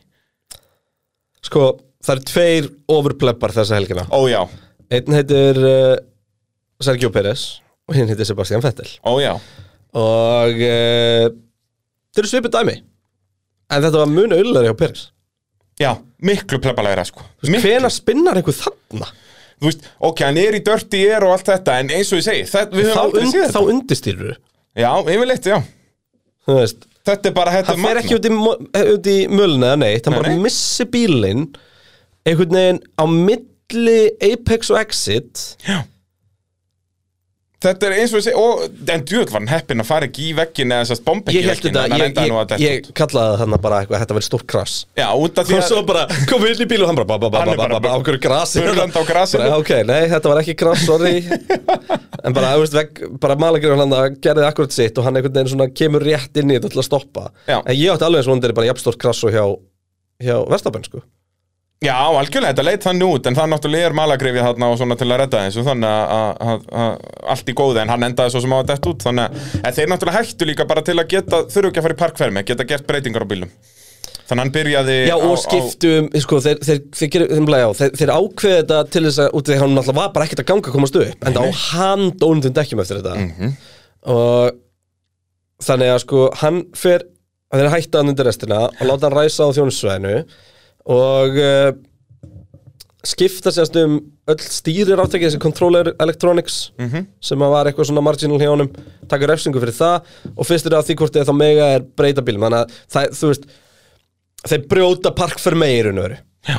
og Þa, það er málið, sérst allir, þú mátt ekki snerta bílana hérna á nóttun á milli en ef þú ræsir á þjónustusvæðinu þá máttu gera hvað sem þú vilt Já, þannig að það er komin ný framvængur og ný stillingar, þú veist Já, þú miklu getur það er nefnilega flóknara. málið að þú getur stilt bílinn þá sett hann alveg Já. í all-in keppnismót sko, og þarft ekki Einmitt. að kompromæsa fyrir einhverja tímatökur og Ég svo veit, Þannig að, að hérna, það var bara að hugsa bara bílinn var settur upp þannig að Peris ætti að eiga auðvelt með að fara fram úr og uh, já, svo kemur þér ræsing hjá Peris og hann er ekki neinu að vinna sér neitt upp áður en að rauðaflæki kemur út og ég sagði að núna yrði Peris bara þetta væri runnu draumastaða fyrir hann hann væri búin að skipta um allt já, já. fer hann á hörðutekkin og nei, ekkert endilega draumast að hann að vera hetjan sko, heldur draumast að hann svo að hann fær hann raukt flaggum leið sem þýðir að hann á að geta, þú veist hann, hann fær alltaf breytingarnar á bílum en fær samt aðræsingu árásuð Mhm. flott, ok um, minnir að við kalla ef hann myndi fara upp um 5 eða 6 sæti á fyrstu þremur hringjónum þá var hann í fínum málum Mhm. sem hann gerði svo gerði hann bara ekkert meira Hann var bara hann í svona 15. 16. sæti allan tíman Ná, Það er svona var, kannski jú 14., 13. Já, ég kannski. held að hann hafi verið, var hann ekki hæst komin upp í tíunda?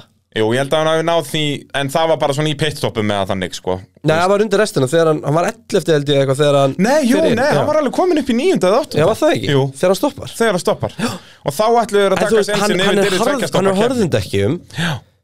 Og hann fyrir inn fyrstur Já, þarna voru bara Red Bull að ætla að reyna undir hvað alla ef þetta yrði síðan tvekkjastoppakefni sem þetta varði ekkert Nei, Þú veist, sem er svo steikt, en síðan sko hérna eins og Kolbett Kall spyr, hvað voru Red Bull að pæla með að henda Peres í síðasta þjónustuklið ég fæ ekki séð hvernig þau gáttu reikna út að þetta myndi borga sig þetta segir manni allt um hvað slagurinn er mikill Hann var sendur inn til að taka hraðasta ring af Lewis fucking Hamilton Já, og það er sérst út að Það var er verðmætara síðasta stoppið Það var verðmætara fyrir Red Bull að taka eitt stig af, Mercedes Hamilton, já.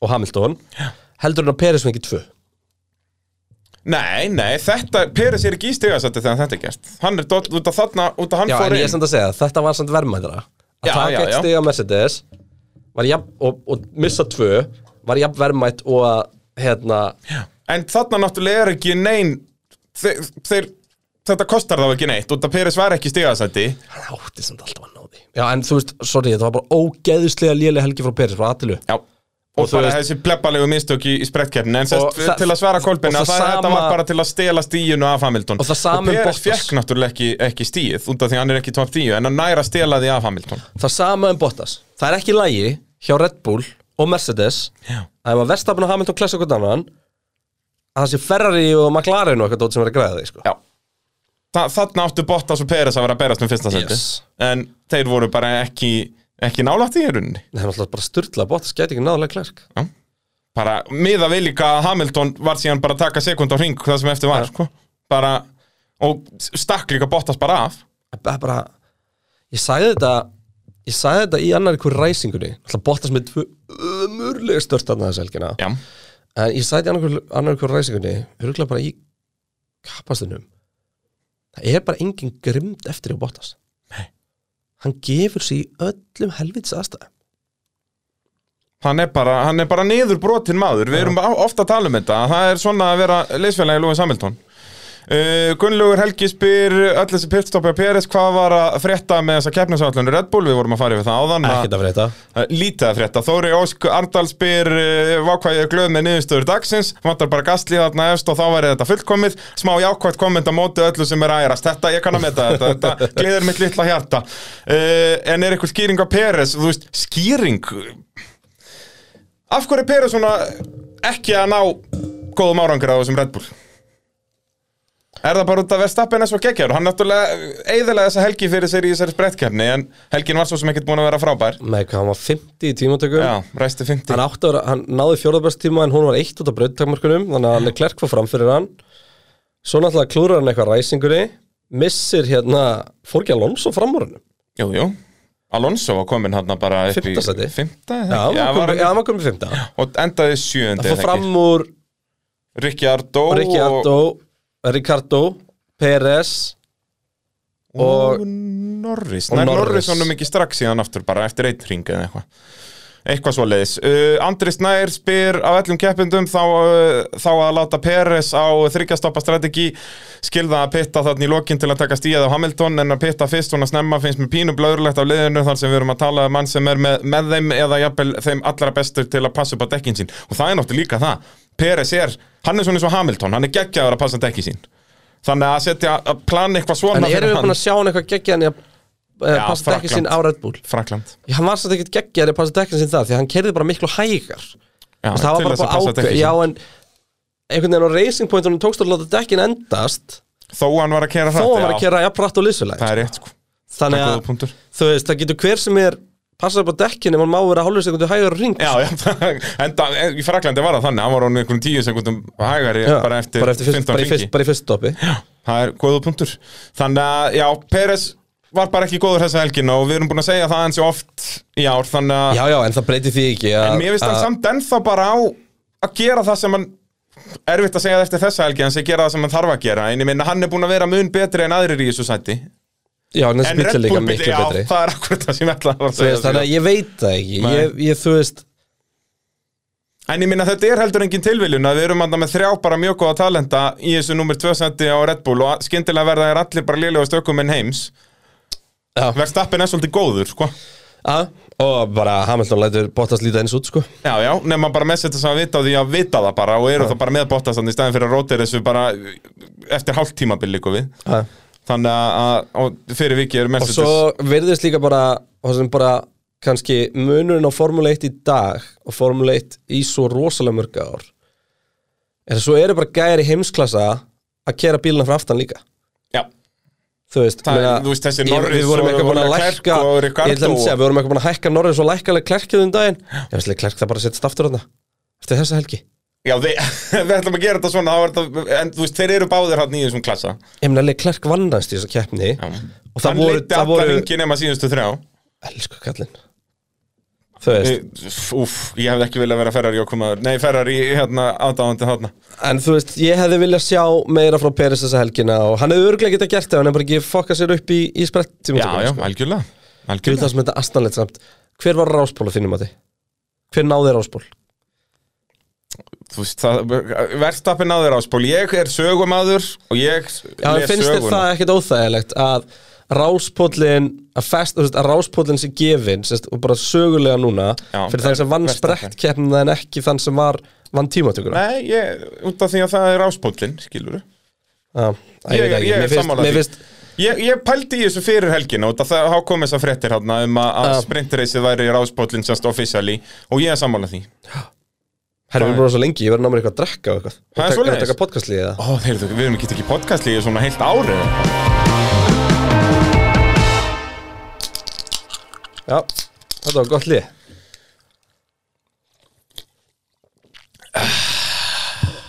Jæja, Þú ert ekki bara að stinja mikið þessum þetta og síðast nei, Tekur þá eftir? var ég líka bara, ég var all over the place í síðasta þætti Já. sko. Ég hafði ekki sofið bara í 48 klukkutíma og Ég bara líka að sagði það, sástu það, því ég postaði þessu Já. Sagði bara, þetta verður liðlegasti pittur sem ég hlusta á Ég var bara, ég var í rugglinu sko. Ég var nýbólusettur Já, þú varst í bólusettur, við vorum allir í rugglinu sko.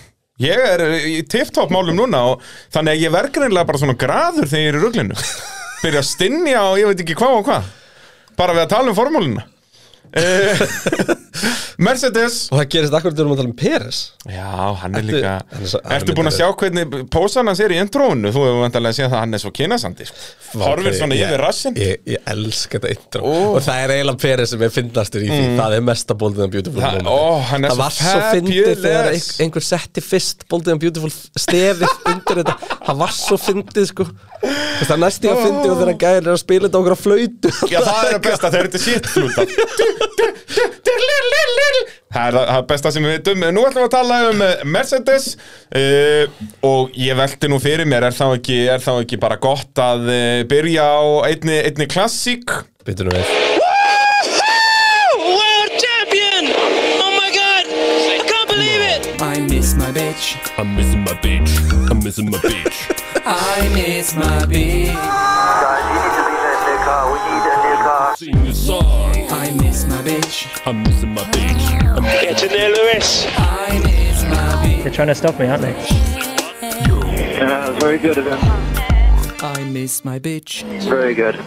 Já, það er Lewis Hamilton hotnið eh, mætt aftur eh, uppáhaldstík allar landsmanna Lewis Hamilton What a mighty good man Hann er óþólandi góður líka Hann er það eins Það er og, það sem að og, og sitja eins hérna. og óþólandi ef hann er utan breytar þá er hann óþólandi góður á henni Sko við erum náttúrulega búin að ræða mest allt með þetta En, en sem sagt, ég, ég ætla að tala um stragetíuna Já, um, Sko um leið og Mercedes sá að Leclerc kom með hraðan til að skilja sig frá Bottas Norris hópnum -hmm. að þá hérna var bara tekin ákvörðin um að hanga bara á honum Já.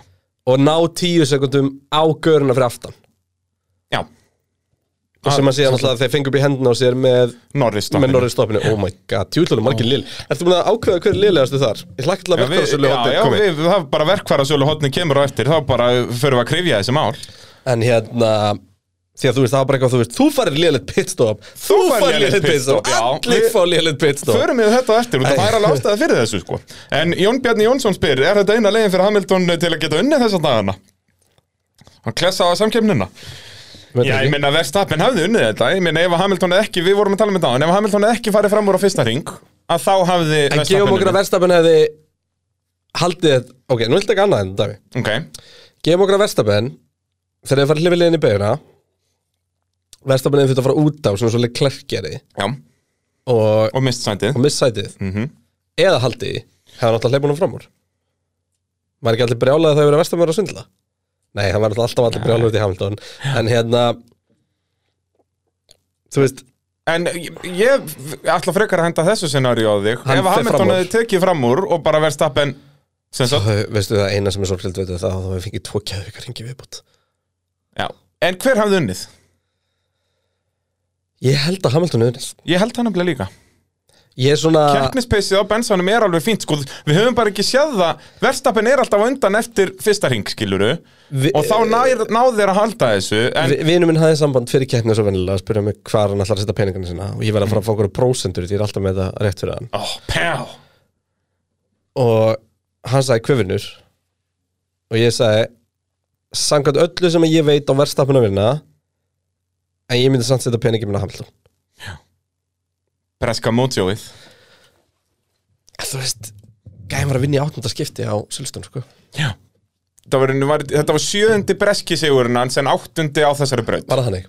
Mér minni það Nei, Og hann vann, Bottas vann hinn í fyrra það ekki vann hans 70th anniversary í fyrra Það ekki Ok, það geti verið En Ham, hann og mun sem- Hamilton vann breska kappastunum á þreymur Já, það geti verið A, En hérna Þá er það sérst, er hann búin að jafna metið þá aftur Já, er ekki sitt eigin met Jú, og Já, ég, sa, Schumacher ég sagði það náttúrulega í útsendingunni ég, þú veist, Met sem hann á, mér myndi það Ég var bara, Já, ég var Schumacher bara, bara... það líka í Fraklandi ég var bara með tölfræðan hann gæti jafna þetta met sko Já, Já. Schumi í Fraklandi alveg Hann, Schumacher náði átta sigurum í Fraklandi reyndar alveg áheld í tveimur eða þreimur mismunandi brautum en Ah, sérst sem í er bara franska ennþá svala. kapakstunum en, en Hamilton á þetta met síðan í Ungverjalandi sem er næsta kemni, ef hann vinnur í Ungverjalandi þá nær hann sitt, er hann einni með þetta met nýju skipti í samba kapakstri Já.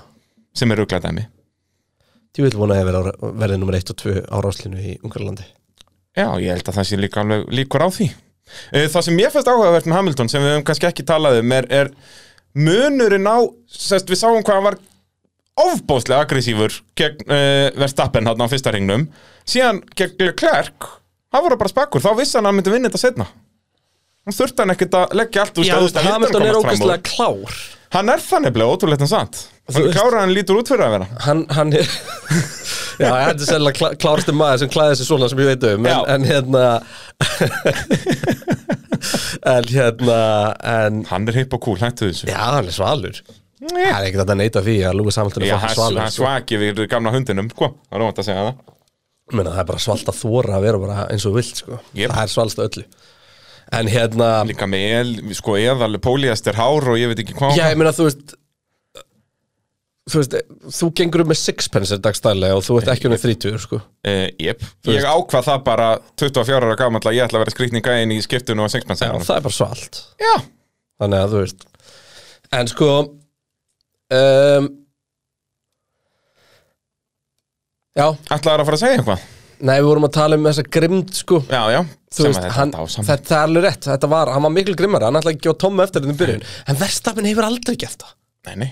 Manstu við fengum svona nema bara miklu lengra Það voru alveg tveir eða þrý ringir Var það ekki Verstappen og Klerk í fyrra?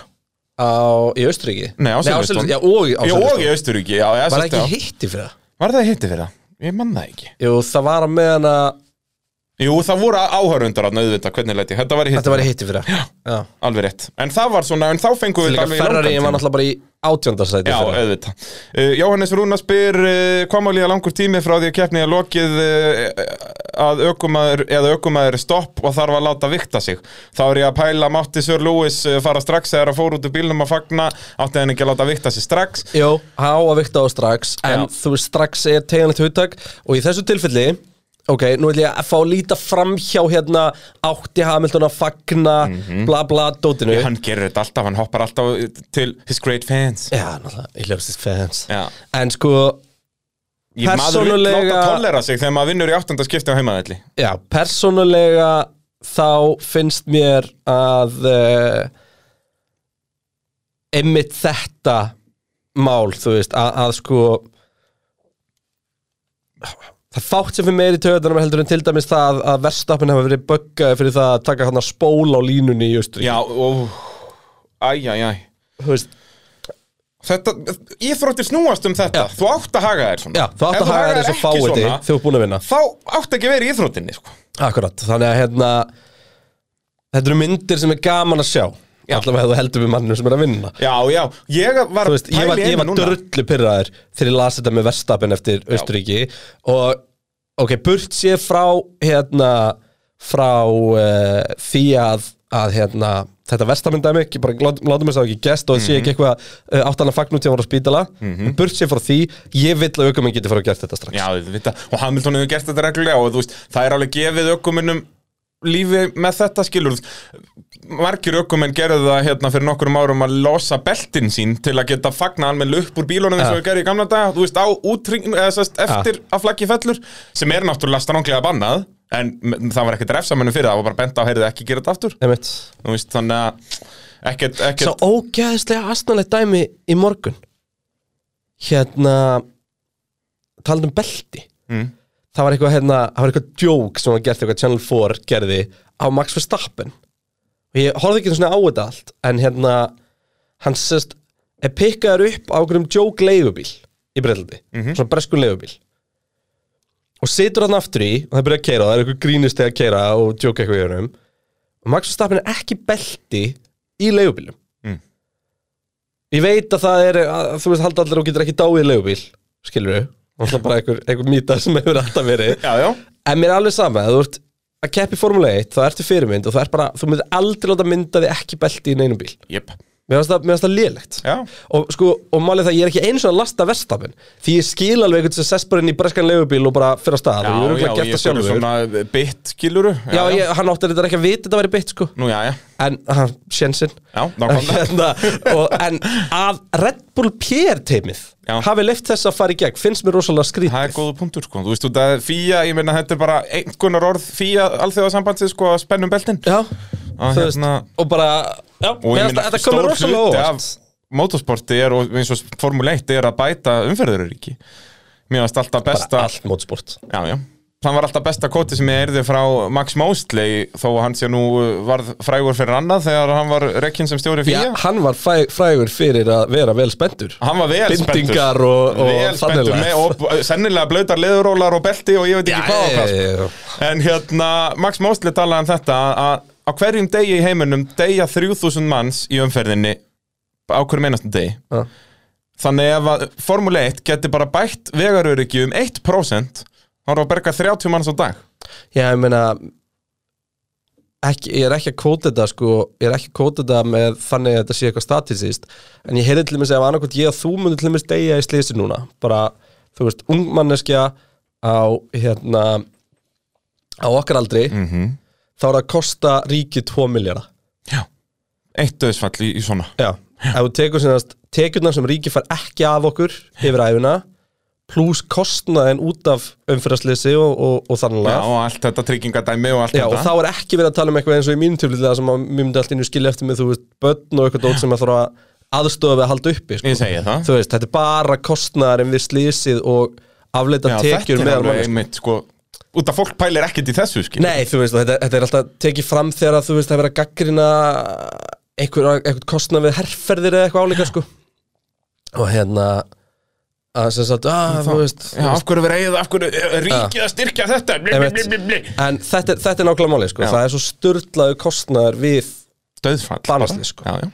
Það, er, það er bara nákvæmlega svoleiðis uh, Runolfur spyr hérna þarf ekki að fara að hætta þessum leyskipunum og það strax saknaði þess braga í lýsingurinn annars mjög flott hjá E KEG KEK Já, já, þú, þú þarf alltaf að tróða þig inn ef það er Takk. eitthvað, þú er aldrei Takk, tróðið Runólfur. eitthvað þú er aldrei Takk. tróðið inn eitthvað, þú veist Takk. vákaða gaman hlust á Kristján Nei, aldrei og, og ef við fáum þannig komment að dýlítaði með það sama Þessu nefnir er þið ekki að sjá, það er Já, ekki já. bara fólk hata mig Það er, eh, jú, jú, það hatt allir en það er bragið sem allir vilja sjá í lýsingunum það er alveg versinlegt, það er ekkert af Það er þessum náttúrulega enginn sjá þig, bræði minn Dómari En þú Ég veist, er eh, Fab, ég er með Pitster hún núna meira að segja, ég er Já, ég Fabulous veit það. þetta er, Geggjaður. þetta er svaðalegt sko. Geggjaður. En hérna liðskipunum, eh, nei þú veist hætta þessu, við reyndum það Ég meina ef að liðskipunum eru bannaðar að þá í staðin fyrir að við heyrum í talstöðunni á Bottas uh, Let Lewis buy in uh, turn 15 þá munum við heyra rósjörnar eru rauðar á sunnundugum nei, þá munum við heyra hérna Alonso is faster than you Do you understand this message? Já. Alonso is faster than you Já, eða þú veist Multi21 uppáhaldið mitt Þú veist, þá voru liðskipanir bannaðar Þannig að þið ljótið þetta hljóma eins og þetta sé eitthvað stilling í stýrinu Já. Ég, við, mu- Sepp, Multi21 mm, Já, sem þýðir basically að bíl nummer 2 Já, var undan bíl nummer 1 Já, eh, multi, multi myndi þýða Já, já, já, meina það Já, ég, það er liðskipan Þú veist, Multi21 þetta hljómar eins og þið er bara fyrkt eitthvað í tökkunum En Multi21 þýðir bara bíl nummer 2 Á að vera undan bíl nummer 1 Já, er það málið? Já, Ég held þetta væri sko einmitt að hann hefði ekki farið í multi 21 einhverja vélastillingu sem hann átti að fara í nei, nei Þetta var Multi21 er liðskipun. Mm. liðskipunin Nefn að það var bara á Þá þessum tíma er Fettel ekki tussa Hæ?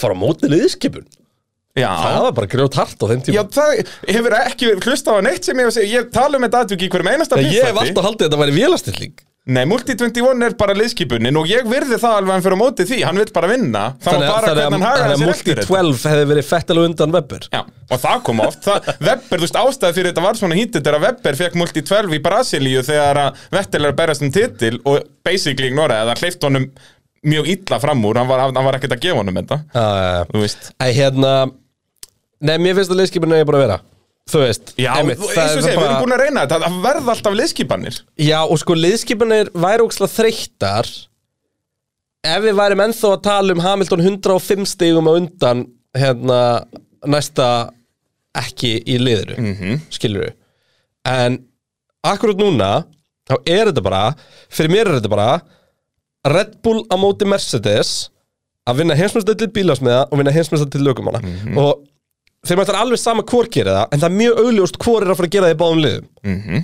þannig að þú veist Já, og liðin vilja liggu við frekar vinna aukomanstitilin út af það er og mér miklu fannst meira líka bara PR miklu og- heiðarleira að þá bara Valtteri, this is a team order Já, það er miklu heiðarleira já og þú, auðvitað, gera þér þetta, ég meina annað væri fáralegt á þessum tíma í, í í tímabilinu, þú veist bara, þannig að þú veist, þetta banna liðskipanir ég held að við ættum öll bara að hætta að pyrra ykkur á því það verður aldrei, það verður við, aldrei við, hægt við reyndum þetta Já, og það það, það virkar gekk ekki. ekki, Nei. og þannig að þá bara höfum við þetta allt á yfirborðinu og þá er þetta bara áhugavert að fylgjast með þessu uh, Sindri fann að spyr hvort er verna, verra að hlusta á Lewis Hamilton taka sömu þakkaraðuna þegar hann vinnur keppni taka allir í faktoríinu, fans og allt það eða láta lúsmi geta sig eina nótt óskað eftir umræðu Ég á eftir að prófa lúsmið sko, þannig að Hefur ég er með tvöbit Ég Nú, veit ég veit ok. okay. Og veistu hvað ég fekk það? Hvað? Ég var að leggja undir ráðhúsinu í Reykjavík Fara hann að götubita dæmið sem var núna um helgina Og bara lappa upp þar Þá allir voru bara öll fjölskylda bara að Finna fyrir ykkur á okkur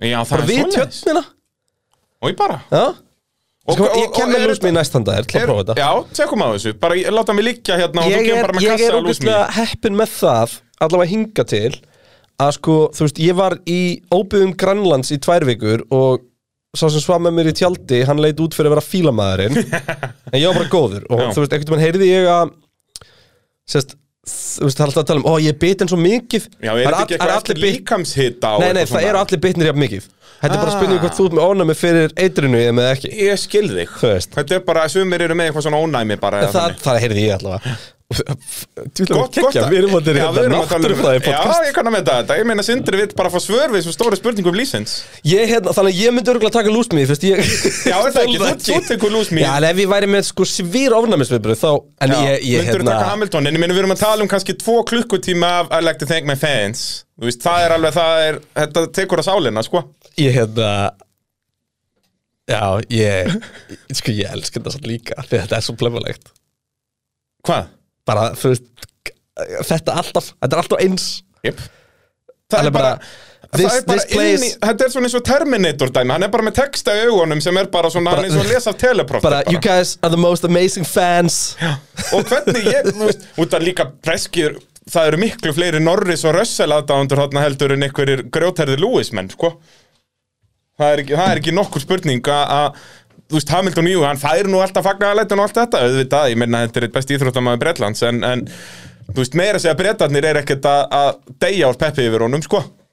Það var samt geðveikt að hlusta á það Ég myndi hérna, tjekka því aftur, horfðu á fyrsta ringin aftur Mhm. -hmm. Og hérna, til þess að mynda að kanna hana Svona hvernig, hvernig bara, bara horfa á þetta aftur og upplega bara Hvaða þvæla þeir komið upp með þetta En hérna, þú heyrðir Já. áhorðunar öskra maður heyrir það bara ef þið spóla á byrjunum á sem þætti núna, maður heyrir það vel í bakgrunn Já. og líka vel gert hjá F1 TV broadcast Að pikka þetta upp. Já, Ég er ekkit viss um að það hefur verið gert viljandi sko Þú veist, það eru náttúrulega bara, Jó, það eru þeir bara voru mikið gerði þetta fyrir tveimur árum líka þá með þess Aha. að fóru þeir aðeins og langt og voru byrjaðar að filma þá í staðin fyrir að mynda Hamilton að berjast um Bottas mannst ekki eftir því Jú, það var Hamilton svona- er að koma fram úr og svo bara einhverju brjála er fullir brettar að fagna Já, ég veit, bara í miðjum múfi Já, þannig að jú, jú, þeir eru alveg með mikrofónu réttu stöðunum hann þeir hérna, þekkja þessi nöfn en og þú þekkja þessi veist, frasa Og þegar George Russell fyrir í gegnum Q2 Já, Sturlaðist það Ruglað Og dæmi. hérna, en ég hafði mjög gana, ég myndi það var eitthvað svona Eitthvað Instagram í formuleið, þá var svona löppur áhörðu bara Hver vinnur um helgina? Og það voru sérst þrýr sem voru nefndir Og hverju þrýr heldur að það hafi verið?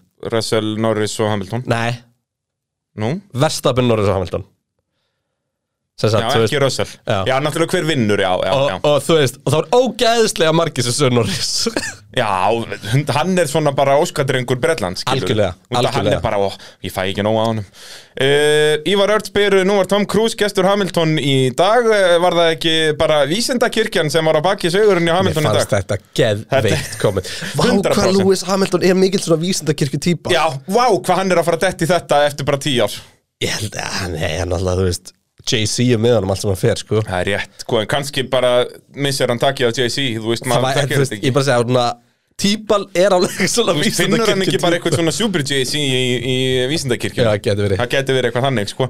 Heiðar Snær spyr hvaða ár verða það þar sem hinn almenni formúlaðdáðandi fari að virða það hversu sturlaður íþróttamaður Hamilton er? Svona þrem- svona þremur árum eftir hann hættir Nei, þú veist, eins og bara með Schumacher, við vorum að tala um hann hérna áðan, að að hann er, var í rauninni verri í þessu heldur en Hamilton, hvað allavega inn á brautinni, en hann var í rauninni byrjaður að fára í spekt í rauninni bara um leið og hann hættu og meiri segja bara 2006 í svona, en þá er hann náttúrulega búin að tapa, þá er Alonso orðin bestur, þannig að þá er hann hættur í þessum svaka hita, sko, og það geti verið, eins og á næsta ári, ef að Verstappen Ef að Verstappen vinnur í ár og tekur hann svo aftur á næsta ári, bara ef að fer fyrir Hamilton alveg eins og Schumacher, þá held ég bara undir lok næsta tímumbils bara þegar hann er að klára sem fyrir og fyrir að grenja á nokkurnu blaðamannafundum eins og sjúmakir þá verða hann bara komin í gott sko Sko, ég hérna Þeir sem að þekkja mig vita að ég var alveg hávaristur í þessum hóp hérna þú veist, þetta er ekkert merkilegt, bílinn er svo allt og góður og bla bla Já, bla bla, já. bla.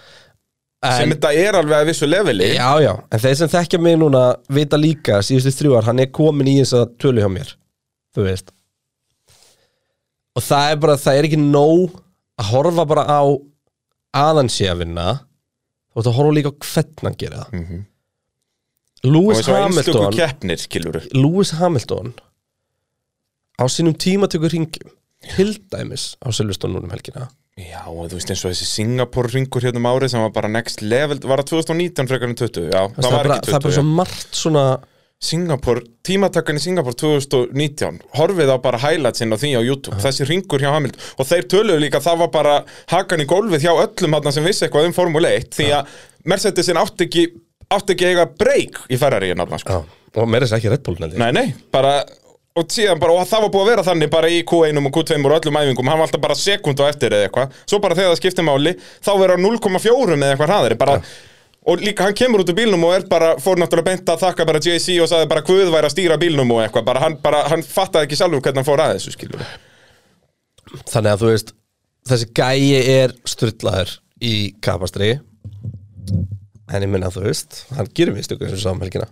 Já, já, og, og að- hinnar geiturnar gera það alveg líka en er hann, ég sagði það fyrir þetta tímabil að Hamilton er, er orðin geitinn ásamt öðrum, það er ekki bara ein geit en, en Hamilton átti aldrei að vinna Tyrklandi fyrir Það ger hann bara á því hvernig þá gera, já, nákvæmlega og það er til fullt á svona dæmum skilur en vissulega hann hefði sennilega alltaf unnið þessa tittalla þó hann væri ekki að vinna þessar einstöku keppnir en það er eins og þú segir hvernig hann er að vinna þessar keppnir sannar að hann kann alveg að kera bíl ég Já, já, já, er já, ekki frá því sko já hann, er, hann er ágætur hann er, hann er fínn í því sko Fýtn undir stýri sko Sindri Pátt spyr, eh, var Bottas óvinnur hress eftir keppna? Já, hvað er viðtalin og fjör, fjörlegur á pallinum? Áhugavert. Já, Skyldan vera komin ég með reyndar samning. er, ég reyndar er sammálað þessu sko. Já. Þa, það, Þetta er Við orðið vorum svo að þreytt tala um að sko Því Russell að þetta- við- verði annánsaður á Silveston. Þe- þetta er líka bara svo þreytt ef við förum frá því að sko fyrri Östuríkishelgina að segja þú veist ég meina það meikar bara ekkit búið, sens það meik- það meikar ekkit sens að hérna, nei, við höfum að byrja um að segja það, ef, að, ef að Hamilton myndi framlengja Já. þá myndi Bottas 100% áfram Já. Ég myndi halda að það hefði bara verið í samningnum með Samilton, sko. svo kemur hérna, Þetta svona slúður. Östuríkishelgin og það er geðvikt svaki við Russell Já. en Bottas er bara eitthvað, þú veist Ég held að Og það maður sé er bara miklu frekar herri, já, hvað hann er að fá sér í morgumat, sko. bara Hvað já, hann er hress. ok, hérna Bottas er ekki að fara að vera hjá Mercedes á næsta ári um, en það, ég veit það ekki ég veit Nei, það nei, ekki þetta kemur allt saman í ljós þegar Silly Season er að fara á fullt og ágúst kemur nú oft með mörg svona Sko, svör því að ég- bladamennindir hafa ekkert betra að gera þá heldur hann að bögga þessi lið. Ég- ég held að því lengra sem líður á tímabili án tilkynningar því betur lítur þetta út fyrir Russell Já, því að sammála. akkurat núna Þeir vil ekki þ- já, það þarf ekki að hræri neinu Nei, sko. vilja ekki vera hræra í Bottas sko. já, þeir eiga Russell, hann er ekki að fara neitt annað sko. Nei, nei, það, hann getur ekki farin eitt annað sko. Nei. uh, Þá er komið að verkvarðasöluhóðninu sem að vera áhugavert núna því að það er eh, já, pit crew fail helgarinnar og, og hvaða lið hefðu nátt að nota verkværi frá verkvarðasölunni Því Sko. að við fengum nóga pit crew failum sko. heldur betur sko, það eru náttúrulega tvö sem að standa upp úr Já, og það verður að vera sko, Ferrari hérna, með Sainz já, það var líka Og- bara, hvað var hann, 13 sekundur stoppið eitthvað, hann var bara lengur en Hamilton og Hamilton var með refsingu og sko. McLaren með Norris Já. og sko dramatískast í þessu öllu er náttúrulega McLaren með Norris Já, en það var samt bara þú veist 5 sekundar klúður eitthvað en það hann endar fyrir aftan Alonso, það kosti hann svo svakalega sko. Kemur út fyrir aftan Alonso, bara þú veist, halvri sekundi fyrir aftan hann það er ekki að spáði því Það er aðal málið og, og Bottas kemur fyrir þarf, framann þarf halvan ringi að losa sig þar því hann er ekkert langt frá Bottas þegar hann, um, hann ger árás á hann inn í, þri- inn í þriðbega Já, já. en hérna en uh, mér langar til að minna samt á eitt annað sem ég finnst eiga að skilja sjátt Ok og það var hérna þegar gamla góða teipið var yfir út á bílunars Hamilton Já, gamla góða uh, stregatipið já Svart og fallegt Nei, það var sillita Nú býtu verið er ennþá með gamla Þetta tipið er gamla teppið Þeir þurfa að fara í verkværi Nei, svona að fá nei, svart Þetta var eitthvað svona þjættidæmi sem var sett utanum bara meðan að það var verið að líma karbónu aftur saman Það var Já, ógstlega fyndi í staðan fyrir að skipta bara um framvæng Ah. já. Þá var það bara að hafa Það er steypt nefnilega í bara að hann bara. líma þennan Bara svona steift í hann basically Já. já. Svona, já. Það, það, þeir eru með eitthvað gæðastöf frá verkværisölunni þarna Ég meina þetta hjælt Já, nákvæmlega, sko, En nákvæmlega ég held sko að þeir sem þurfa að fara í verkværsöluna er ferri því þetta var svo augljóslega eitthvað aulalegt og svo bara tíminn frá því að hann er bara búin að setja byssuna upp allir bara, Já. er þetta tilbúið? Út af þess að þetta virkar þannig að þeir eru með takka á byssonum og þegar allir eru búin að íta sína takka þá kvikna grænaljósið. Já. En þegar það er eitthvað svona vesen að þá er kannski overræta þannig að það verði bara eitthvað að Já, gefa en hann er búin að vera að stopp Já, í já. stöðu sem þýðir ég er búinn Jep. og svo bara, Og síðan má svona hann fara? horfir hann meir í Ég er búinn! Þannig að uh, hann á skilja bjór já, og uh, ferri þar að skottast og ná sér í nýja byssu já. Og já, og nýja, þeir þurfi í rauninni nýja ró, ég held að það sé, eða, nei, nýja, nýjan bolta. Út af það var Þú get- málið. þú- heyrðu, Það er enda eitt sem er geggjað við verkefnarsalunum sem ég vissi ekki fyrir bara síðast sumar að hérna uh, þeir eru með bara einhverja bestu skrúur og rær og dót sem við veitum sko. Já, þeir eru með góðan lagur í því. Já. og hérna og ég til mér stók allan pallin minn með svona ósynlegum skrúum frá þeim með mitt Ósýnilegum skrúum. Já, þú kemur á pallinu með þér þú sérði ekki skrúutan í honum sko. Bítu, bítu. þetta skrúa svona í hliðanar, þetta er svona kerfi þetta er alveg ógæðislega næst þannig að þú veist, gutti minn getur bara hlaupið um allan pallin á án þess að fá tálnum svona og svo fá flýsar flísar sko. og, já, já. þetta er og sérstaklega ég var að nota heilborð sko bara allstaðar, þú veist, það er ekki svona samskipt út um allt já, ég segi það, já þannig að ég er bara með svona ein samskipt í miðjun á honum sem er bara þjöl, svona beint á Já, já. en það kemur ógslag vel út sko og sérstaklega í kringum pottin og svona skiptir þetta máli sko Þetta, já, þeir allir eru berfættir já, Það já er, já, og svo kíkja þetta hlaupið skrúðunar í yfir pallin verkvarðasölunni þetta hlaupið yfir pallin út í pott og svona sko þannig að Í þetta kuldanum, ú út í útistörtu Heyrðu, uh, þetta er uh, stóra áhugavert En boltinn, semst boltarnir sem að var það Ragnar- basically bara sama og gerist í pottas Já, þú veist, þetta er út af hitanum hann. Það var náttúrulega brautarhitin var bara að slá í 60 gráður svo eitthvað, það var hella. svakalega hitti, en það var bara ekki 30 stið hita alltaf því ég verið á Silvestón þá er svona Já, og bara svona skýjað og alveg að fara að regna. já, það er svona, það er svona morgun á Íslandi um haust Já. svona svalt, það er ekki beint kalt, en svona þú verður að vera í peysu. Já, og þú veist, það var alltaf hérna eins og fyrir bresku formule 3, það var svona mídíadagur á Silveston, Já. það sem var sérst eitthvað svona tvekkjartíma test og þú veist, ljósmyndar út um alla brautaka myndar öllum bílunum, svo öllum, þú veist bara eins og alltaf gert í formúlunni, verið að gera introið fyrir útsendinguna og eitthvað svona dót og sko, ég malda eftir því að hérna þú veist, við vorum allir bara í einhvern svona dúnúlpum svo bara, hérna komum tí tíma mynd þá bara, þú veist, úr og svo bara svona reyna að vera svalur haldandi á hjálmum sínum standandi við bílinn eitthvað í smástund, sko Það er stór fínt. því að þú veist, það var bara, Þetta var bara viðbýður, já. Þetta var bara Ísland, Þetta er- skilurðu. Já, en sem sagt... en þetta var náttúrulega líka í, þú veist, mars eða Já, eitthvað, sko þetta er annað þarna í, í júli En, en sérst hittin, það var úr náttúrulega líka út að, Þetta er allt háhraða beigur þarna Þannig að þetta hittnar allt miklu meira en vennulega Og það var það sem var að Svo fara það var þessa- stemming rann alltaf helgina, bara þjóðháttíf Það bara, Jep. þú veist, og ég fekk svo geggjaða spurningu á Twitter Og því ég var eitthvað að djóka með, þú veist, og því allir kom mynd það svona hvítum tjöldum í augunum Ég er bara, erum við sem við hvít Eru tjöld í hvít tjöldin? tjöld hérna, Og hérna, hún spurði, hver var með brekkusöngin? Sem er hættulegt svæði til að fara inn á akkur Hægt, núna Hægtulegt topic En ég held að ég hef verið með rétt svar Jæja Eddie Jordan oh, Það væri litla uh, að fá The Laughing Leprechaun í að uh, hendi í Er brekkusingin það ekki rétt svar? Þú veist, er einhver betri til að taka brekkusöngin í Formule 1? Eddie Jordan, það er uh, Nei, sko, ef við ætlum að taka sko Adna Jónsson típuna Þá viljum við náttúrulega allan tíma fá uh, Briatore í þetta Mannin sem er búinn að vera dæmdur og allir saman Sko, líkuðu búin að sitja inni En er satt með bullandi swag Það var, ég held það sko Djöfullar Briatore. áhugavert hérna Beyond the Grid með Briatori Hefur þú hlustað á Ég það? hef ekki hlustað á það Það er virkilega, gæðin er náttúrulega sna Oh, you know, you know, no, no, no, no, no, no Já, You know, við you erum að know tala um þú gæja veist. sem byrjaði bara að hanna skó og endaði á að rönna formúl 1-lið, skilur við. Já, hann var samt, hann var ekki hann sko, sko. Nei, hann Hann var er að selja þá. business, hann, Já, er, hann já. var businessin á baku þetta sko. Og síðan sérst, hann er hægri hund gæjan sem ábeinit og hann á kaupiliðið Mhm. Og það er einhver aðra regliðið, allt fyrir steik Þannig að hún er hendan inn til að bjarga þessu Svo bara finnur hann sig í þessu Já, og verður bara geggjaður í Ég þessu. meina, þú veist, Toto Wolf munurinn á Toto Wolf kannski og honum er að Toto Wolf actually kefti kapastur sjálfur og svona já. en hérna, já sko já, þetta er hérna þetta, Þetta er áhuga að vera karakter. þetta er mjög áhugavert viðtal Ég- Heldur betur. hann, Eddie Jordan tvei alveg frábær þannig að þetta, er- þetta er mjög skemmtilegt Já, póka þetta- ég hef eiginlega Þetta er minnst líka bara á gaman YouTube með þess að þetta horfa á þetta og Já, náttúrulega ha. öllum, öllum hláfarsleitum, sko, já, já. ég hef actually sko, ég hef actually minna gaman af þáttunum við ökumenn og sérstaklega núverandi Já, já, ökumenn. þetta er betra sko með fyrrum ökumennum, já, með gömlum sem eru að segja sögurna sem má ekki segja sko. Já, já.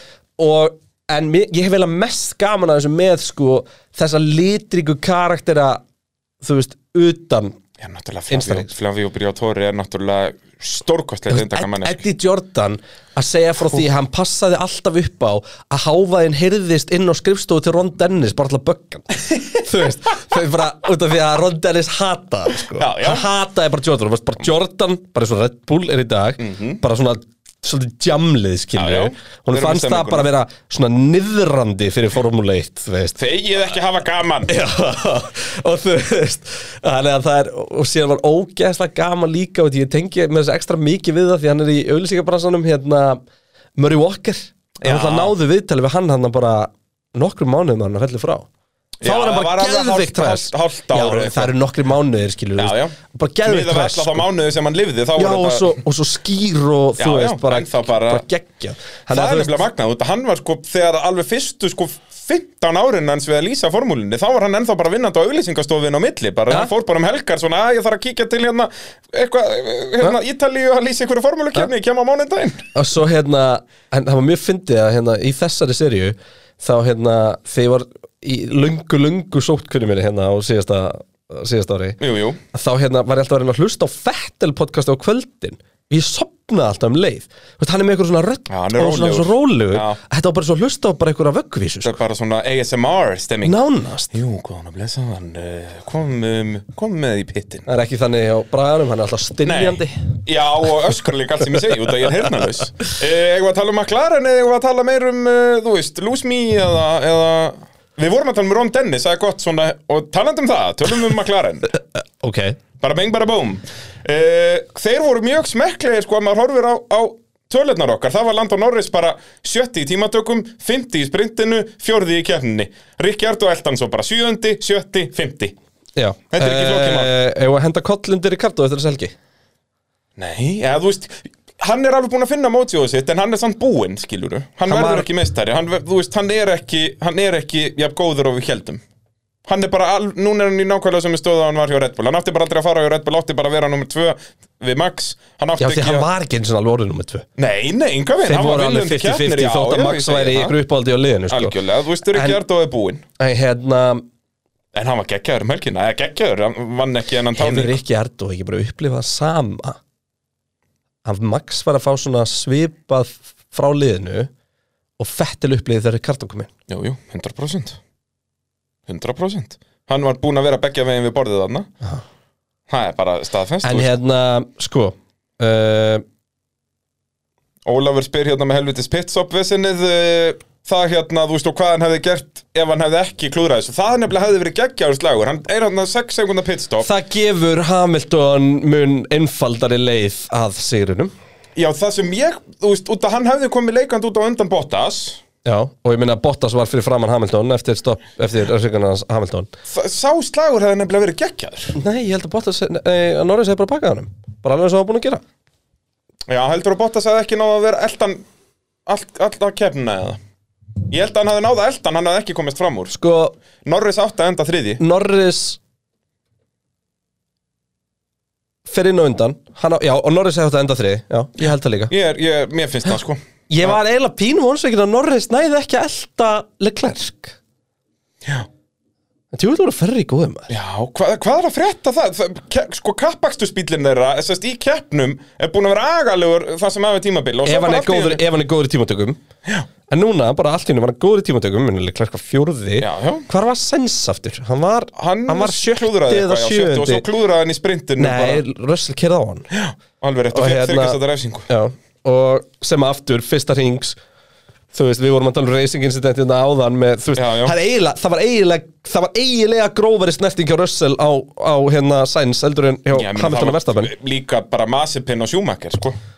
Já, Þú veist, það var, Þetta er allt, en við, það er enginn að tala um það nei, nei En hérna, en sko, Er kollurum komin aftur undir uh, Rick, segir Bjarni Haugs ég meina, hann var 2000 stu, hægir en Norris í tímatökum Já, já Og Það var... var ekki meira bara eftir honum uh, Já. Þú veist, það er náttúrulega uh, Tapar aðeins meira á eftir Alonso þarna í sprintinu En nær samt alveg fram úr og bara löður þetta léttur Já. Og bara flottur Djúvill númer er tvö. Norris, að, þú veist ég, Fólk er örgulega komið leið á því hvað við erum að tala um hann gæðu upp Nei, það var En meira að enginn lega því segja Meira að segja í Þú veist, einmitt bara slafi Alonso út á braut og svona Þú veist bara hvernig hann fer fram úr er með Hvernig hann þetta. gera þessu luti Hann er ótrúlega góður Þetta er bara Þessi nýja kynnslóð, aukumanna Er gjössanlega geggjuð Ég Við elska erum- við erum- jörmuna sem ég sá og við höfum alltaf gaman eða lýsa jörmum hér í pitnum Já. og, og jörman var sko það sem að ökumenn gera þegar þeir eru búin að ná velunapalli og þú veist m- mynd af Nico Rosberg að spreja kampavinn í einhverju engapartí í Monaco það sem Landon Norris gerir þegar hann lendir á velunapalli hann að stríma Yeah, I like to thank Kirksucker53 for this comment bara eitthvað með headphone sinni inn í herbergi bara að spila Ég tölvuleik meina, eins Hann og er þessi 13 bara, hann er ára. bara hérna, dutti Þetta er geggjaðu gæi sko. Það er bara svo En sko, nei bara, þú veist eins og framúraksturinn hans á Alonso og svona Já, Það já. er svo klinikal, sko hann er með þetta allt, hann er með hennan pjúra hraða og er góður í Hann- hann er kappakstri líka og er með- góður að þú veist, byggja upp fórskot í kefni það er bara, En hann líka með greindina í það, til dæmis að sjá að þegar Hamilton var að koma, Já. hann var ekki farin að halda honum fyrir aftur sig, nei. Mhm. hann var að fara að tapa tíma og þeir reyna að berja stöðan, mm freka bara að reyna að elta hann aðaleg klerk, Já. sem hann tókst ekki. nei nei en þess að það var allan tíma planið hjá hann, annað en eins og á ímóla þegar að, að þá var hann actually að reyna að halda sæti og náða haldunum fyrir aftan sín í einhverja 5, 6, 7 ringi skiluru Einmitt. bara þangað til að hann átti ekki meirinni en uh, En ég er eiginlega alveg- ég er alveg viss um hann að hann hefði náð góður þriðja sæti. akstur, góður varnarakstur er ekki Arton fannst mér, þú veist að Sainz, sko þetta var magna Sainz var fyrir aftan hann, bara 0,7 á eftir honum Bara í svona hálfa keppnina. 20 ringi Ja. þetta var bara rugl, ég skil ekki af hverju það var ekki allt farið ofirna í drastli á Sainz sko Og þú veist, og tölum bara eins um það, að tala um Ferrari, að með Sainz, að var þetta ekki líka bara svolítið feilli honum að vera alltaf svona, við sjáum þetta oft eins og bara með Hamilton um þetta verðst að fara Hamilton ekki að tekur kæ- nokkuð. kæla en strastli sitt og koma svo aftur Við Við fóla náttúrulega bakki í þrjár sekundur. sáum svo lítið af þeim Nei, Já, því við að sáum svo er náttúrulega ekkert í líka útsendingunni, en maður sá alltaf tímabilið. En þá ertu líka alltaf með hættuna Þetta út af DRS-unu, hver er hraðaminn, sko Já, Þú veist það er rétt. En hann hafði einhver tap Jú, hann, ég Jú, hann hafði einhver að tapa, ég minn, hann var í DRS hann var, hann var ofta að komast nánast upp á hliðina á honum, skilur Mhm. við er bara Það munar svo litlu að það sé svo auðvelt að fara fram úr þar En það er ekki auðvelt, sko. það er erfitt að fara fram úr þessu sko. Þetta er bara geggju kapastusbröð. Já, ég samanlega Það er bara svoleiðis. og með breytingarnar á henni þetta er einn af svona fáum brautum sem eru uppfarað til betri eitthvað í gennum tíðina sko. Já, alkohótt. Eina svona sem að bara nostalgíulega séð að það vanti Brits beiguna, mér varst alltaf cool þegar ég fór undir brúnna, sko. Það var ógeðslega gaman. hún líka, hún, þú dettur niður Já. og svo hallar inn, þú veist hún hallar rétt hún Hallar er inn geðveikum hraða Já. en svo reynda komst ógislega leiðilega Í til vinstri, beyguna, já. útrunni Það er rétt sko, og svo vinstri beina náttúrulega líka mjög leiðileg löng og svona einhvern veginn, maður Já. finnur einhvern veginn aldrei réttu línuna þeir í gegn sko Já. að, hérna, en bara svona nostalgíulega séð uh, en uh, Ferrari uh, Leclerc náttúrulega geggjaður í ræsingunni horfa á replayið þar, þetta er svona aftur eins og bara Alonso, það er eins og allt sér stilt á ísi já, þá kemst en þú bara upp fyrir Bottas náttúrulega bara önnur ömuleg ræsingi Bottas Já, já. sem að verður einn Sem að ástæðan fyrir hjálpar að næri honum. þessu hann líka svo geggja að sjá hvað Hamilton og Vestambi voru beislega jafn fljótari að stað Þú veist, Hamilton aðeins fljótari Hamilton leiði komið fram úr á tímbili Já, já, hann er komin hérna og það var uh, bara yfir helgina virtist að vera þannig að þeir sem restu hægra megin náðu betra starti, sem Já. slettutölunar Já. eins og hérna Leclerc og, og Hamilton síndu í keppni. sem eigaði samt ekkert sens út af því að það er skítuarliðin Já, það er nákvæmlega sko, þannig að það, það er áhugavert. hérna Uh, með svo gott kommentjæðar hérna hversu stressaður voru, var færri áhuga fólk þegar Leclerc var að koma inn á þjónusvæðið eftir 13 sekundar stoppi og sæns ég hugsaði þetta mitt sko. ég hugsaði líka með mig hversu Leclerc í stressaður fyrsta sæti, sko. hversu stressaður var gæinn þarna á vinstra framhjólinu já, nákvæmlega. Út Þú af því að þetta var ekki, þú veist, jú, þetta er hönnunagalli í bílnum eins og við sáum í öðrum bílum, þú veist, út af tolerance er bara svo svakalega lítið að um leið og að kemur svona frík mikill hiti að þá, þá getur þetta fokast upp og, og já, líka bara hversu mikið stressandi var að vera alveg klerki í þessari keppni, Við gle- ég kommentaði ekkert að það er skjálf okkar góða, en hann var náttúrulega eins og vélavið sinna alla keppnina. Það var endalust software dæmi, hann gerði ekkert annað en að vera að slökkva á einhverjum skinnjurum og út að kontról allt í lít og samt er stýrun. hann að setja hraðasta tíma á meðan sko.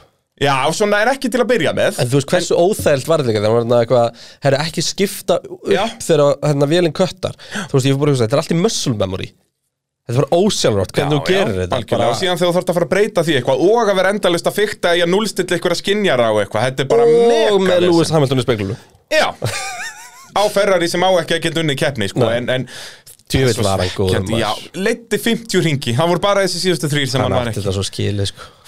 og líka, þú veist, út að ég Þetta var ekki er Jenson líka- Button að taka viðtölun hvernig hann orðaði það, sko, þú veist, þú hlýtur að vera svektur með annarsætti, en er það ekki gott að vera svektur með annarsætti þú veist, á þessu tímabili, skilur, en Já. fyrir helgin ef hann hefði sagt honum að hann er svektur með annarsætti í keppni að hann tekið það allan daginn Að 100% en, en hérna en þú veist auðvitað ertu svektur Já, algjörlega þannig að hérna Já, auðvitað, ég menn þetta er kapastusökumæður og eins og ég segja, leiddi 50 ringi í 53 ringja kapakstri já, veistu, ég var ekki alveg að skilja sko, þegar ég var að horfa á þetta var að lýsa þessu, ég var að lesa eitthvað í þetta bara þú veist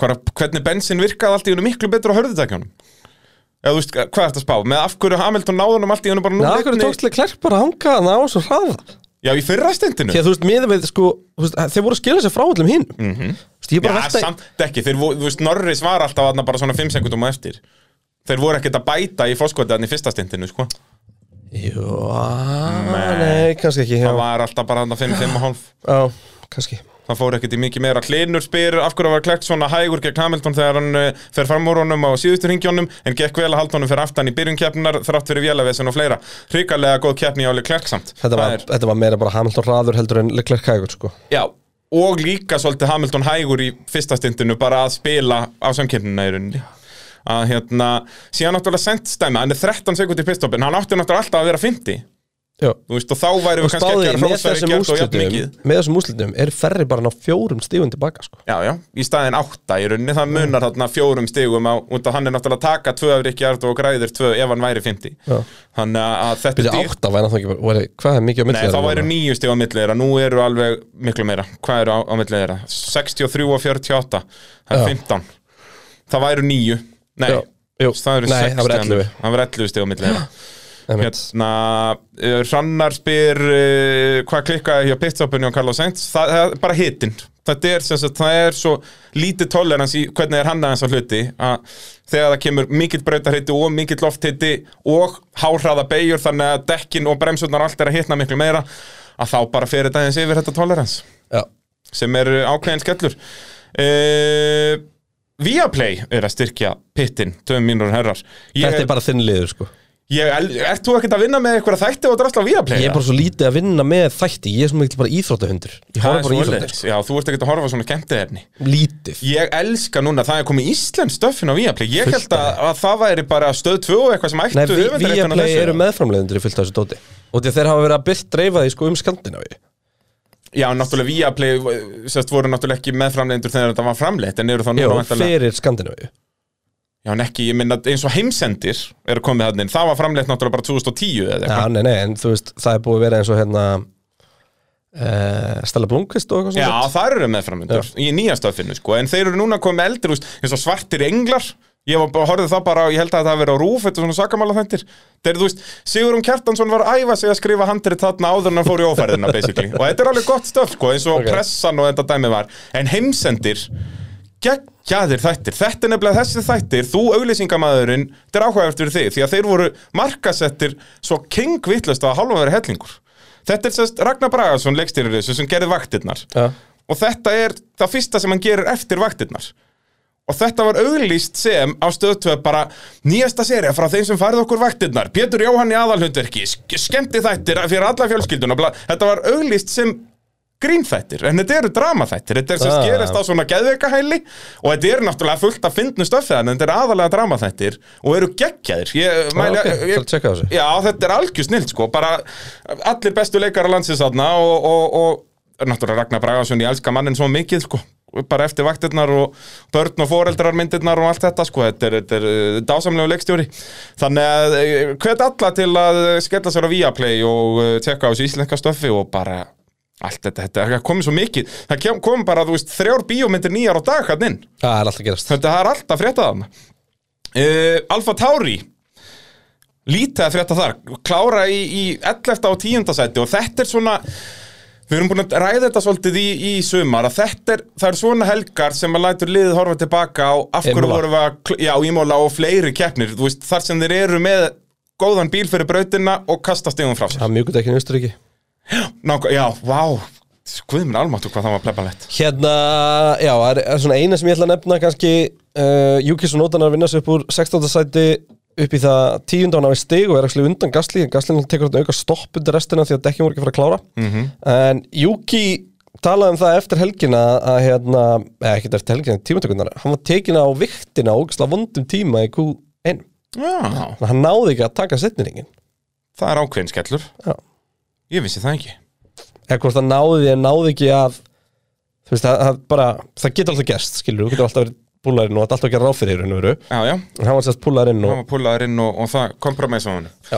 en núna er náttúrulega Alfa Tauri, nú eru þeir bara einu stíja undan Aston Martin út, af Aston Martin er bara farið að líta vel út já, hann leitur fint út á Sölustón það er bara algjörlega svoleiðis og, og þannig að nú, já, eru þeir einu stíja eftir fimmtasetin og fimmtaseti var náttúrulega bara svona ásættanlegur árangur miða við hvernig þetta tímabil ég meina, byrja ég meina, Fettil átti náttúrulega að ná í ég meina, hvað hann var í sjötta sæti eða eða eitthvað þegar hann já, spinnaði hefði bara, en býtu Ég er ekkert viss um- Fettel, eh, er komið að þessu Jabba-dabba-dee! Ring, diggy, ding, ding, ding, ding.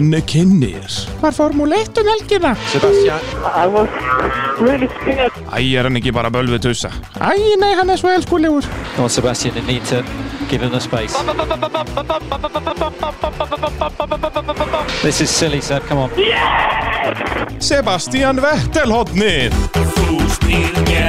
Sebastian Vettel, you are the world champion. Ring, ring, ring, ring. Já, það er nú orðið langt síðan maður heyrði þessa, elsku. Ha, Það fór kvíluna vel já, þetta er bara, mér líður eins og það sem komið 2020. Hamilton að vinna og Vettel að snúa. Ha, Svo mikið fín maður verður að nýta tækifæri þegar það gefst. Já, en svo verður maður að elska Fettil fyrir það hann á ömulega keppni og eitthvað svona dót og hvað gerði hann eftir keppnina? Hann stóð við eitthvað lofur sem hann búin að gera með einhverjum uh, aðdóðandum sem eru eru hérna Já, býtu, hvað var þetta, sko? Hann hérna, okkar maður Viktor spyraði, sko, sp spurði, tapaði Vettel veðmáli og síndi myndir á honum að tína rusl, já, hann er bara orðin brjálaur umhverju sinni Alveg rétt, já, hann er komin, hann hvað var hvað er það? bara, í Östuríki var hann að Að gróðursetja gróðursetja bíflugna eitthvað? hótel Já, já, sem er svo kapphálsbíl já, já, og uh, hérna var hann búin að ákveða það að hann ætlaði að tína upp allt plast sem hann sæi í kringum kjænsinkinu og Já. ákveða bara að nýta tíman og fara á tína Tók og gerði hann það bara með áhörendum sko. já, og með kamerukrúi náttúrulega líka, hann var með- mækaður upp á hvaðina Grjótarður Þannig að uh, Já, náttúrulega BFT er þarna hérna, sponsorinn þeirra sem er ástæðan fyrir hann með bleika hjálmin og svona Það Já, er eiginlega komið í þeir eru ljós að með Ástæðan, þetta Plastic Já. uh, reduction dæmi ástæðan Já, það er náttúrulega svona vassýjur og dót sko. Mhm. En ástæðan fyrir að hann ákveður með bleika hjálmin var út í það Fyrir svona þennan umhverju málstað. Já, svona umhverju statement að bara byggja á þessu Þannig að hann er Þannig ekki að- bara í bjánalugum stígvelum til að berga plánundun, hann er actually að gera eitthvað í þessu Já, Annað en okkar maður Lúi Samilton sem segist bara, "Jú, ég er vegan og allir aðri vera að vera vegan já, og hoppa svo bengið þóttuna sína og fer bara einhvern Já, og síðan í Ferraríin og á milli, hann er ekkit í bíflugnahótelónu með að pikk upp uh, drast Nei. Hann verður að rífa sig í gang Nei, hann en er alltaf bara sko, svo hann elskulegur. getur verið hann getur alveg verið vegan sko, en, en þú veist, það er alveg upp í Þýskaland og verður held ég að fá þitt snitselur Já, blessa, og, og alla pulsurnar og ég veit ekki hvað, og hvað, sko, það gengur ekkert að þú, ef þú væri vegan í Þýskalandi þá bara borðar ekki neitt En þetta var leiðilegt sko, því að Sebastian Vettel var búin að vera frábær alltaf Ég veit það, og bíllinn var að virka, þú veist, það er það sem er svo En það grátlegt sem er svo blöðröld við þetta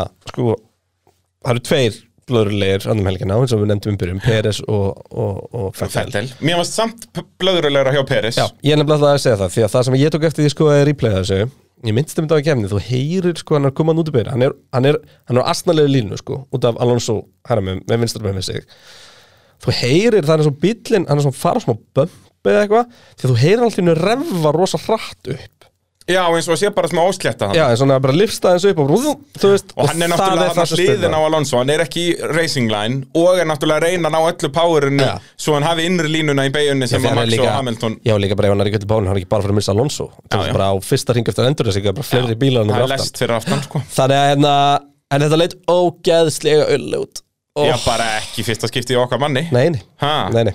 En, hann er í- Þetta er yndislegur í fyrsta skipti á Aston Martin sem hann gerir eitthvað svona svona Var það ekki, það var í, í bara reyn hendan í, í gott grín samt Veit það ekki, mér minni það En þetta er svona fyrsta alveg að sjálfstáðum sem hann Ég var hann ekki að klessa aftan, klessa hann ekki aftan á okkon eða eitthvað í bara reyn Jú, jú, jú, jú, jú, jú. fer inn í hérna kjölsóið og missa allt grip Já, og alveg læsir rétt, aftan á hann alveg Það var mjög rétt. blörulegt í fyrstu byggu En hérna, já, virkilega dýrt hjá Vettel þarna út að þetta leit virkilega vel út fyrir hann. En eh, Aston Martin núna, ég eru bara með augun á fintasætti því Alfa Tauri, ég eru, eru góðir á ákveðnum brautum en þegar þeir eru góðir þá skýta þeir í degið. Þannig að þetta fer að líta ágætlu út. En náttúrulega Alpín koma svo bara nokkuð fljótt á eftir. Nú eru þeir hvað áttastegum á eftir Aston Martin.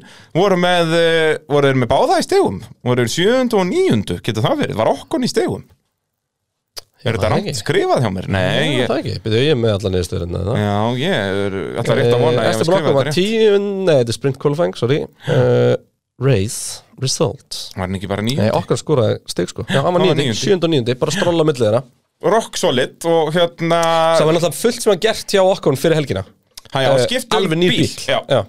og bara svona Það virðist hafa virka út að hann er búin að vera nóver bara í síðustu já, og búin að vera að tala um að það sé eitthvað skrítið og hann ná ekki að gera sömu hluti á Lons og, og eitthvað svona Og þá er líka, sko, liðin gera þetta oft, sko, þó að allir verkvæðingar í liðinu segja, nei, það er ekkert að þessum bíl, að þá er þetta líka bara svolítið psychological dæmi, sko. Bara, ég lísti sig hérna með Monsa kapastur minn já.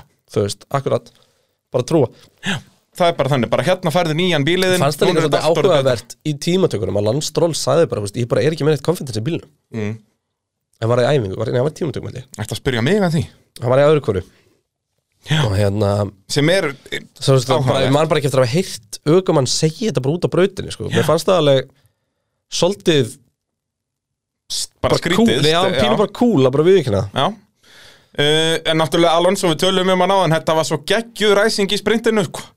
og bara, Og hann líka- er bara komið með mótjóið sitt Já, og, og, svo þá var hann líka bara að berjast eins og, eins og hundur á fyrsta ringi keppni hann endar átti ekki góða ræsingu þar Já, Hann já. þurfti að vinna sig aftur upp bara geggjar En núna líka bara vesen fyrir okkur Núna Alonso er núna búin að finna mótið á sitt og þá var okkur ekki breyk, sko, milli þeirra liðsfélaga, sko það voru samt bara eitt, eitt bíl á milli Já, að já. okkur var miklu nær hann að gefum Vissulega. gefum okkur smá sér, sjáum hvernig þessi nýja bíl verður Já. en þú veist, hann er ekki að heilla mér að skatt Nei, þetta er bara og eins og við erum alltaf að tala um að þetta alpínlið er, okkur finnst það ekki skemmtilegt þetta ennstón lið, sko, alveg sama hvað það heitir Þetta er náttúrulega það uh, var orðið pínu skemmtilegt sko með Ricardo, með Ricardo, og, já. já. Svo nýttu lók síðasta tímbil, það er rétt Það er tattoo dæmið var komið og eitthvað svona já. og hann var að ná í velnapall og eitthvað svona dót sko. Það er rétt uh, Alfa Romeo, það er nú ennþá minna að frétta þar Ég skrifaði ekkert einasta punkt á þinn Herri, það var endar hérna náttúrulega spinni hjá Já, Kimi rétt. og Peres Þeir voru hérna... léttir já, já, það var ekki dramið um því sko Nei, nei Kimi Eh. sagðist bara eiginlega ekki hafa séð hann sko Kimi samt búin að vera að lenda núna í atvikum eh, hægri vinstri, sko Já, það var líka snerting í sprettinum sprintinum, já. Hann er ekkert mikið fyrir það að gefa, gefa plásið sko. Nei, nei, hann er bara gammal refur Já. Það er bara svoleiðis og, og það var sem gaman að sjá hann í fætunum Já, var það ekki við Peres sem hann var að verjast alveg Jú, vel vá, hvað hann varðist Bara geggjað, sko þetta, þetta var alveg búin að vera tveir ringir Já, já, þegar þeir bara lenda svo saman olbóðnir út bara Já, já, þetta var snill, Og sko náttúrulega Peres var búin að vera fastur á bakvið hann og undan því heil lengi sko. Já, algjörlega, Þannig að- algjörlega. Uh, Williams, uh, Haukur, Sindri spyr Hendar Sprinteris, Williams uh, ekki illa Sindri Latifi Já, ekki við sterk byrjum, byrjum bara á einu hérna Já, já, já uh, Tímatökur hringur George Russell Húi Á skalnum 1-10 9,9 Bara eiginlega svolít tíja, sko Hann var frábær Þetta er bara, og líka á heimavelli og Hann bara var líka, sko, hann var hægastur í æfingum sko. Já, já Hann bara púlaði þetta út Ég var ekkert að búast við honum fyrst bara einu sinni í gegnum Q3 Það leita ekkert Já, þannig út í Q3 Sem sagt, það hefði verið gott, hugsaði maður Ok, ef hann nær núna í Q2 eftir þetta Þá þá Já, var það það er vel gert. 14. 15. 13. 14. Já, þá er það svona Já. Undir maður haldi ok, Russell, En svo bara geggja áttundi Sturla dæmi, sko En svo Geggjaður. fór þetta náttúrulega allt í viftun eftir það, sko Já, hann skeit náttúrulega í startinu í sprintinu Já. Sem að hjálpar ekki Nei, Uh, ég, ég, því meira sem við tölum um Þetta sprint, því meira elska ég þetta Já, en hérna Og við erum búin en að svo, tala nú djúvillig mikið um þetta Ég veit ekki hvað þetta eru langur þáttur, sko Svo hérna En svo ertu með sko Ertu með uh, Hérna Keppnina Og þar skýtur hann aftur í startinu Og Mhm. fyrstu mm ringunum uh, Og þessi spurning er nefnd frá Hauksindra Bara henda sprintarins Viljáms ekki illa Jú, Jú, jú, við munum við sögðum það bara fyrirfram lélegt race pace, það er bara við Þannig að bara fá 17, bara fá eitt auka steint í keppni já, já. Það, Það er hjálpar ekki basically eina Williams. sem þetta gerir, þetta er bara í rauninni 20 auka ringir í keppinni En Ég held samt að hann ekki fokast hann upp þá hefði hann alveg náða að skora herra sko. Þú veist, Já, það- já, segjum- já. segjum hann hefði bara haldið sínu sæti í, í sprettinum og jafnvel bara perist eftir út og hann ræsir sjöndi Mhm. Mér hefði ekkert þótt af fjarstöðukentu hann en að halda sjöndasætinu út úr út úr hérna fyrsta ring Já. hann myndi enda kannski 8.9. eitthvað annir sko Haldur hann að náði stig? miða við það síðan dettu verðstapin út og Peres kemst ekki upp í stíin og Já, já, já, jú, það er góð, Nei. góða punktur sko var eitthvað fjárstæðugjend að hann hefði enda 11 Hvað hann í, endar í, 12 bara í? í venlur í keppnir ég að segja það sem allir klára Já, já, nei, við höfum já, séð það oft já, núna er hvoru Red Bullinni stigum það er góða punktur, virkilega góða punktur og og Lewis losna við Fettel sem er hann í samkeppni við hann og Já, þú veist, hann klárar 12 en samt eru þrýr ökum en það eru tveir sem að ræstu fyrir framann hann sem dettu út Mhm. og það er allavega þú veist fara aftast já. þú veist Carlos Sainz lendir í sínu 12 sekundar Vesinni, vesinni já, já. þú veist það er alls konar í þessu sko já.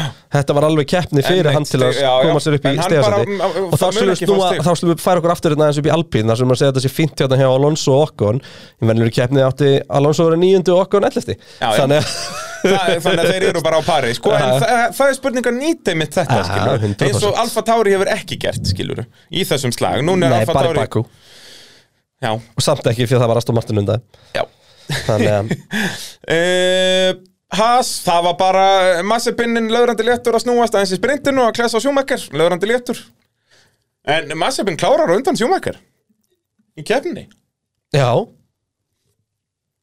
Nær svo lit 17. ég veit ekkert af hverju Nei, ekki ég heldur og ég bara nenni ekki að pæli því Það er svolítið svoleiðis uh, Ívar Örd spyr hins vegar uh, Núna svona þegar við erum búin að fara yfir liðin Nú er komin mikið pressa á hópferð Ætlum við ekki að láta þetta gerast á næsta ári Svo það er að segja að, að pitturinn eh, verði með hópferð á Formule 1 kapakstur Þur, Við þurfum að fara að plana þetta eitthvað sko Já, Að við þetta værum þetta er eitthvað bara- fyrir næsta sumar, við erum bara að skoða þetta Við þurfum að, við þurfum að að hjóli þetta því að þetta er einhver besta hugmynd sem ég hef nokkuð tíma að vindað um sko.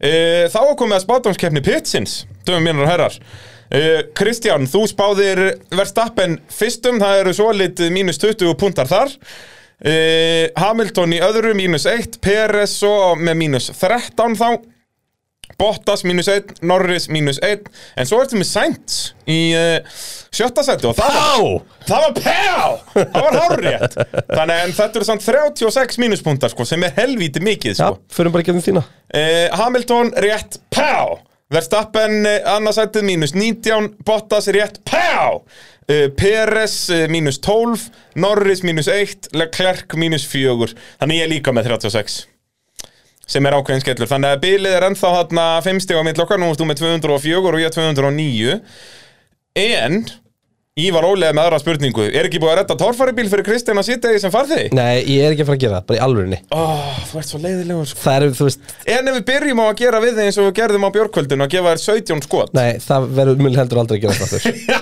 Þú veist, Þannig er ég fyrir- að tala fyrir um tvo manneskju- hluti sem mun aldrei gerast Fyrir aftur. mannesku sem fæsi svona tvo bjóra á þryggjagna fresti þá er það aldrei að fara að gerast aftur Þetta, jú, við erum, það er, út að þú segir svo hart neyfi þessu, þá er við að fara að gera á það þessa hluti, við Ég erum skal... byrja að skal- skjóta þig upp og svo ég far þig að setja torfaribíl Ég skal, ég skal kera torfarbíl aftur Í Nú, já, braut. já. En Ég- býtuð, við höfum þetta þá bara þannig Við finnum torfærubíl með tveimur sændum Og sigurverðin í spátumskeppni keirir og hinn er Nei, farfið ég get það Þannig að þú ekki. verður bara Nei, rífað ég- upp og vinna Bara, ég get það ekki Ég get ekki, þetta er svo erfitt En ef, eftir 17 skotum þetta ekki finna fyrir því Þú veist, þú- þú talar um dæmi sem að mér líður illa yfir hérna Já, þetta er dásamlegt. Eh, bara, já Hérna, ég sé að þú er búin að spá Já, nei, sko, ertu búin að sjá hvað ég skrifaði neðist?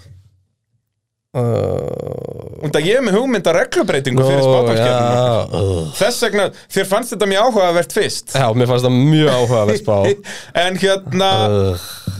Lýst þér eitthvað á þetta? Sest, mín hugmynd er reglubreitingu út af því að við, þetta er allt svo svipað hjá okkur út af bara það er farið að líða á tímabilið og við vitum aðeins meira að breyta þessu þannig að við spáum fyrir um þriðja til áttunda sætið en ekki fyrsta til sjötta þannig að basically út af við erum alltaf með Hamilton að verða stappin í fyrsta bara annarkvort sem sagt í mismunandi röð bara sleppa því í rauninni eða sest, já, bara, Eiginlega ekki, út af því að er það orðið of gimmicky eitthvað? Já, út af því að við erum með Peres og Bottas sem geta verið að stela öðrum sændum allavega, sko já, já. Þannig að þú ert ekki geimið þetta? Ég held að við hefum þetta að ræða þetta fyrir Nei, nei, ég elska að setja þig á punktinn Já, mér finnst við ennþá vera að spá Verstafinn Hamilton sigrum Mér finnst að skipta, ég held ekki að fólkið heim í stofu vilji heyra frá okkur hvor við höldum að vinni næstu kemur Já, ok, það er enda góða punktur Þú veist, þá, þá ætlum við ekkert að hjóli það Þá ætla ég bara aftur að vera leiðilugur og henda í Nei, ég ætla Hamilton, að segja Verstafinn, Bottas, Peres, Norris, Leclerc Já. Í 80. skipti Já, undan því að það er bara góð taktík Ok, já En ég ætla að segja, sest, Verstappen Hamilton Ég ætla líka að segja Verstafinn Hamilton Ok, þá ætla ég að segja hitt bara, bara, Þá ætla ég að segja Hamilton eh, bæti metið Ég er með, já byrju, er hann komin í hvað? Marga sýra Já, hann, er, já, hann getur líka að fara í 100. sigur, Er hann er það með 99 Já. En Hann bæti náttúrulega metið yfir að vinna Já, já, flesta já, já, keppnir já, á- já, á- í já, sama já, landi sko. Hann er Ég var ekki níunda bara að hugsa út í það. Ég held Hann er samt, líka alltaf geggjaður á í ég held Ungarlandi, samt sko. þetta verið Verstappen, Hamilton, Norris, Bottas, Peres, Leclerc. Alright Þá er þetta allavega ekki alveg nákvæmlega sem okkur Mér langar til að taka bæði annarkvæmt Bottas eða Peres aftar. En Já, ég, hjólaði í ég, eitthvað. ég þurfi ekki. Þú, hérna- þú, þú, þú eru ekki farið að setja á ég, meina, torfari ég er að setja Norris í þriðasetti þennan sko. Ég held bara að McLarenin verið geggjaður í Ungarlandi. Já, þetta er gott sjátt sko Ertu búin að skrifa þetta inn eitthvað staðar? Já, þannig fyrir neðan. Hvar? Og þú ert búin að læsa um Bottas, Peres, Norris, Leclerc, Sainz og Ricardo. Já Ég er, ha, nei, Bottas, hvað ert að Það segja? Ég- stendur í skjálnu. Já, já, nei, ég, já, já, ég, þú sér það ekki út að ég er ekki með interneti ég- Internet er eitthvað já, já, já, ég En, skil þig En uh, ég er með Hamilton, Verstappen, Bottas, Já, Ég er Peres, búin að- Norris, ég er búin Leclerc. að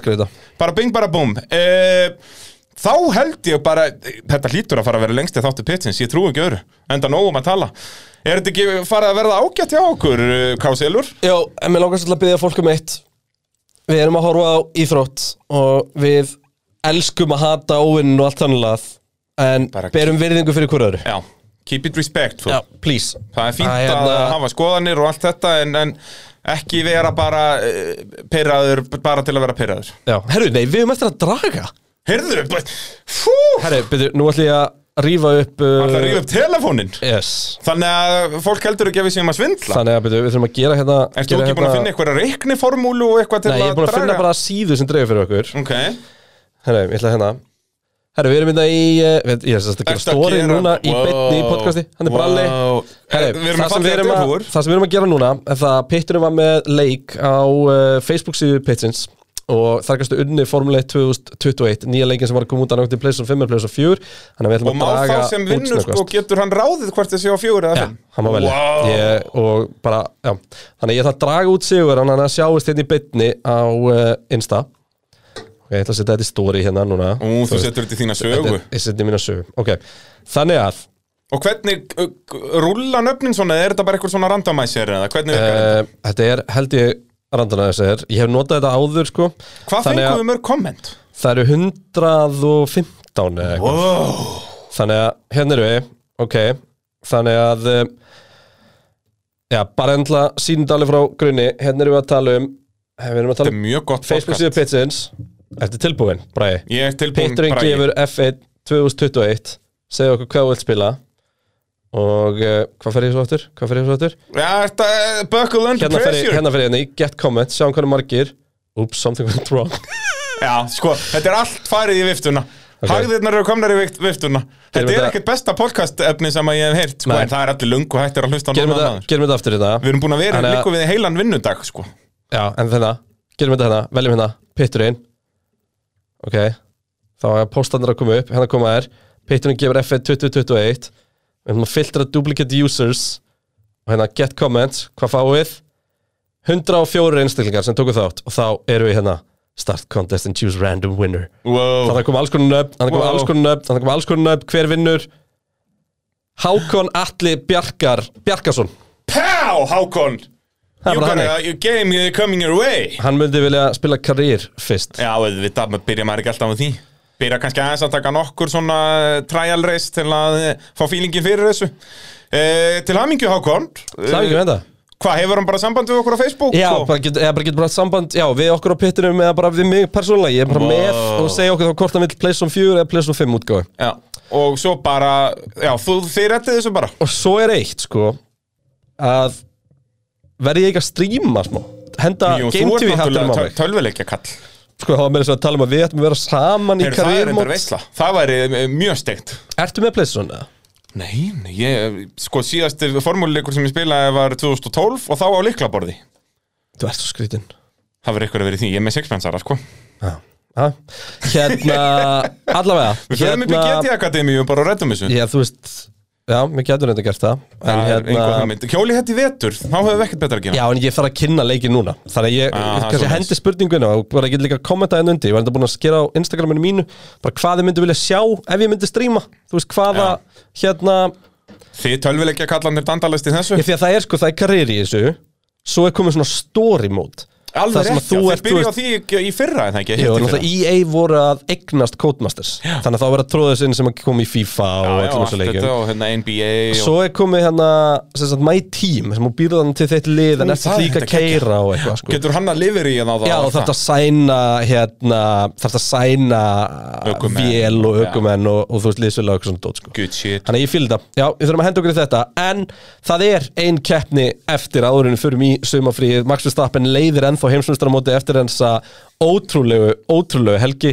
Með áttast eða fórskott Áttast eða hanskott Og uh, já, En við þurftum á þessu niðurstaðan að okkar, niðurstaðan okkar, þetta var Hamilton að kenna En þetta er ekki svona heftalegt eins og við erum að tala um þótt að útkaman hafi verið heftaleg Nú er ég líka farin átt að maður því af hverju við erum svona kannski aðeins meira á Hamilton-vagninum Það er náttúrulega vegna þess að við þurftum á þessu að halda til að halda mótunni spennandi Ég er ekkert á neinum Hamilton Magni sko. Jú, Ég við hef elskum aldrei verið á neinum Hamilton Við- Magni En þú, þú ert alltaf á En- Hamilton-vagnum, ég fokking hata það Kristján Þú Einmitt. verður að fara að rífa þig í gang En- Þú verður að byrja að halda með Red Bull aðeins ég ætla hins vegar að segja eitt hérna Þetta var það besta sem gætt kom fyrir, kom fyrir móti upp á Ég spennu veit. Hanskarnir af Innan við eh, tíu stig á milli þeirra Já, núna er bara sigur og hraðasti ringur á millið þeirra Ég meina hversu mikið langaði bara til að næsta kemur sér á morgun Ég nákvæmlega Við mætum aftur beint eftir Ungarland Takk fyrir að hlusta, elskum ykkur öll og munið að elska hvort annað Og Ég eh, er svo krútlegur Fínum, Ó. fínum fettil í mér Já, ó, ég var að fara að týna rusl Guð Herri, það þarf endur að taka til hérna Jæja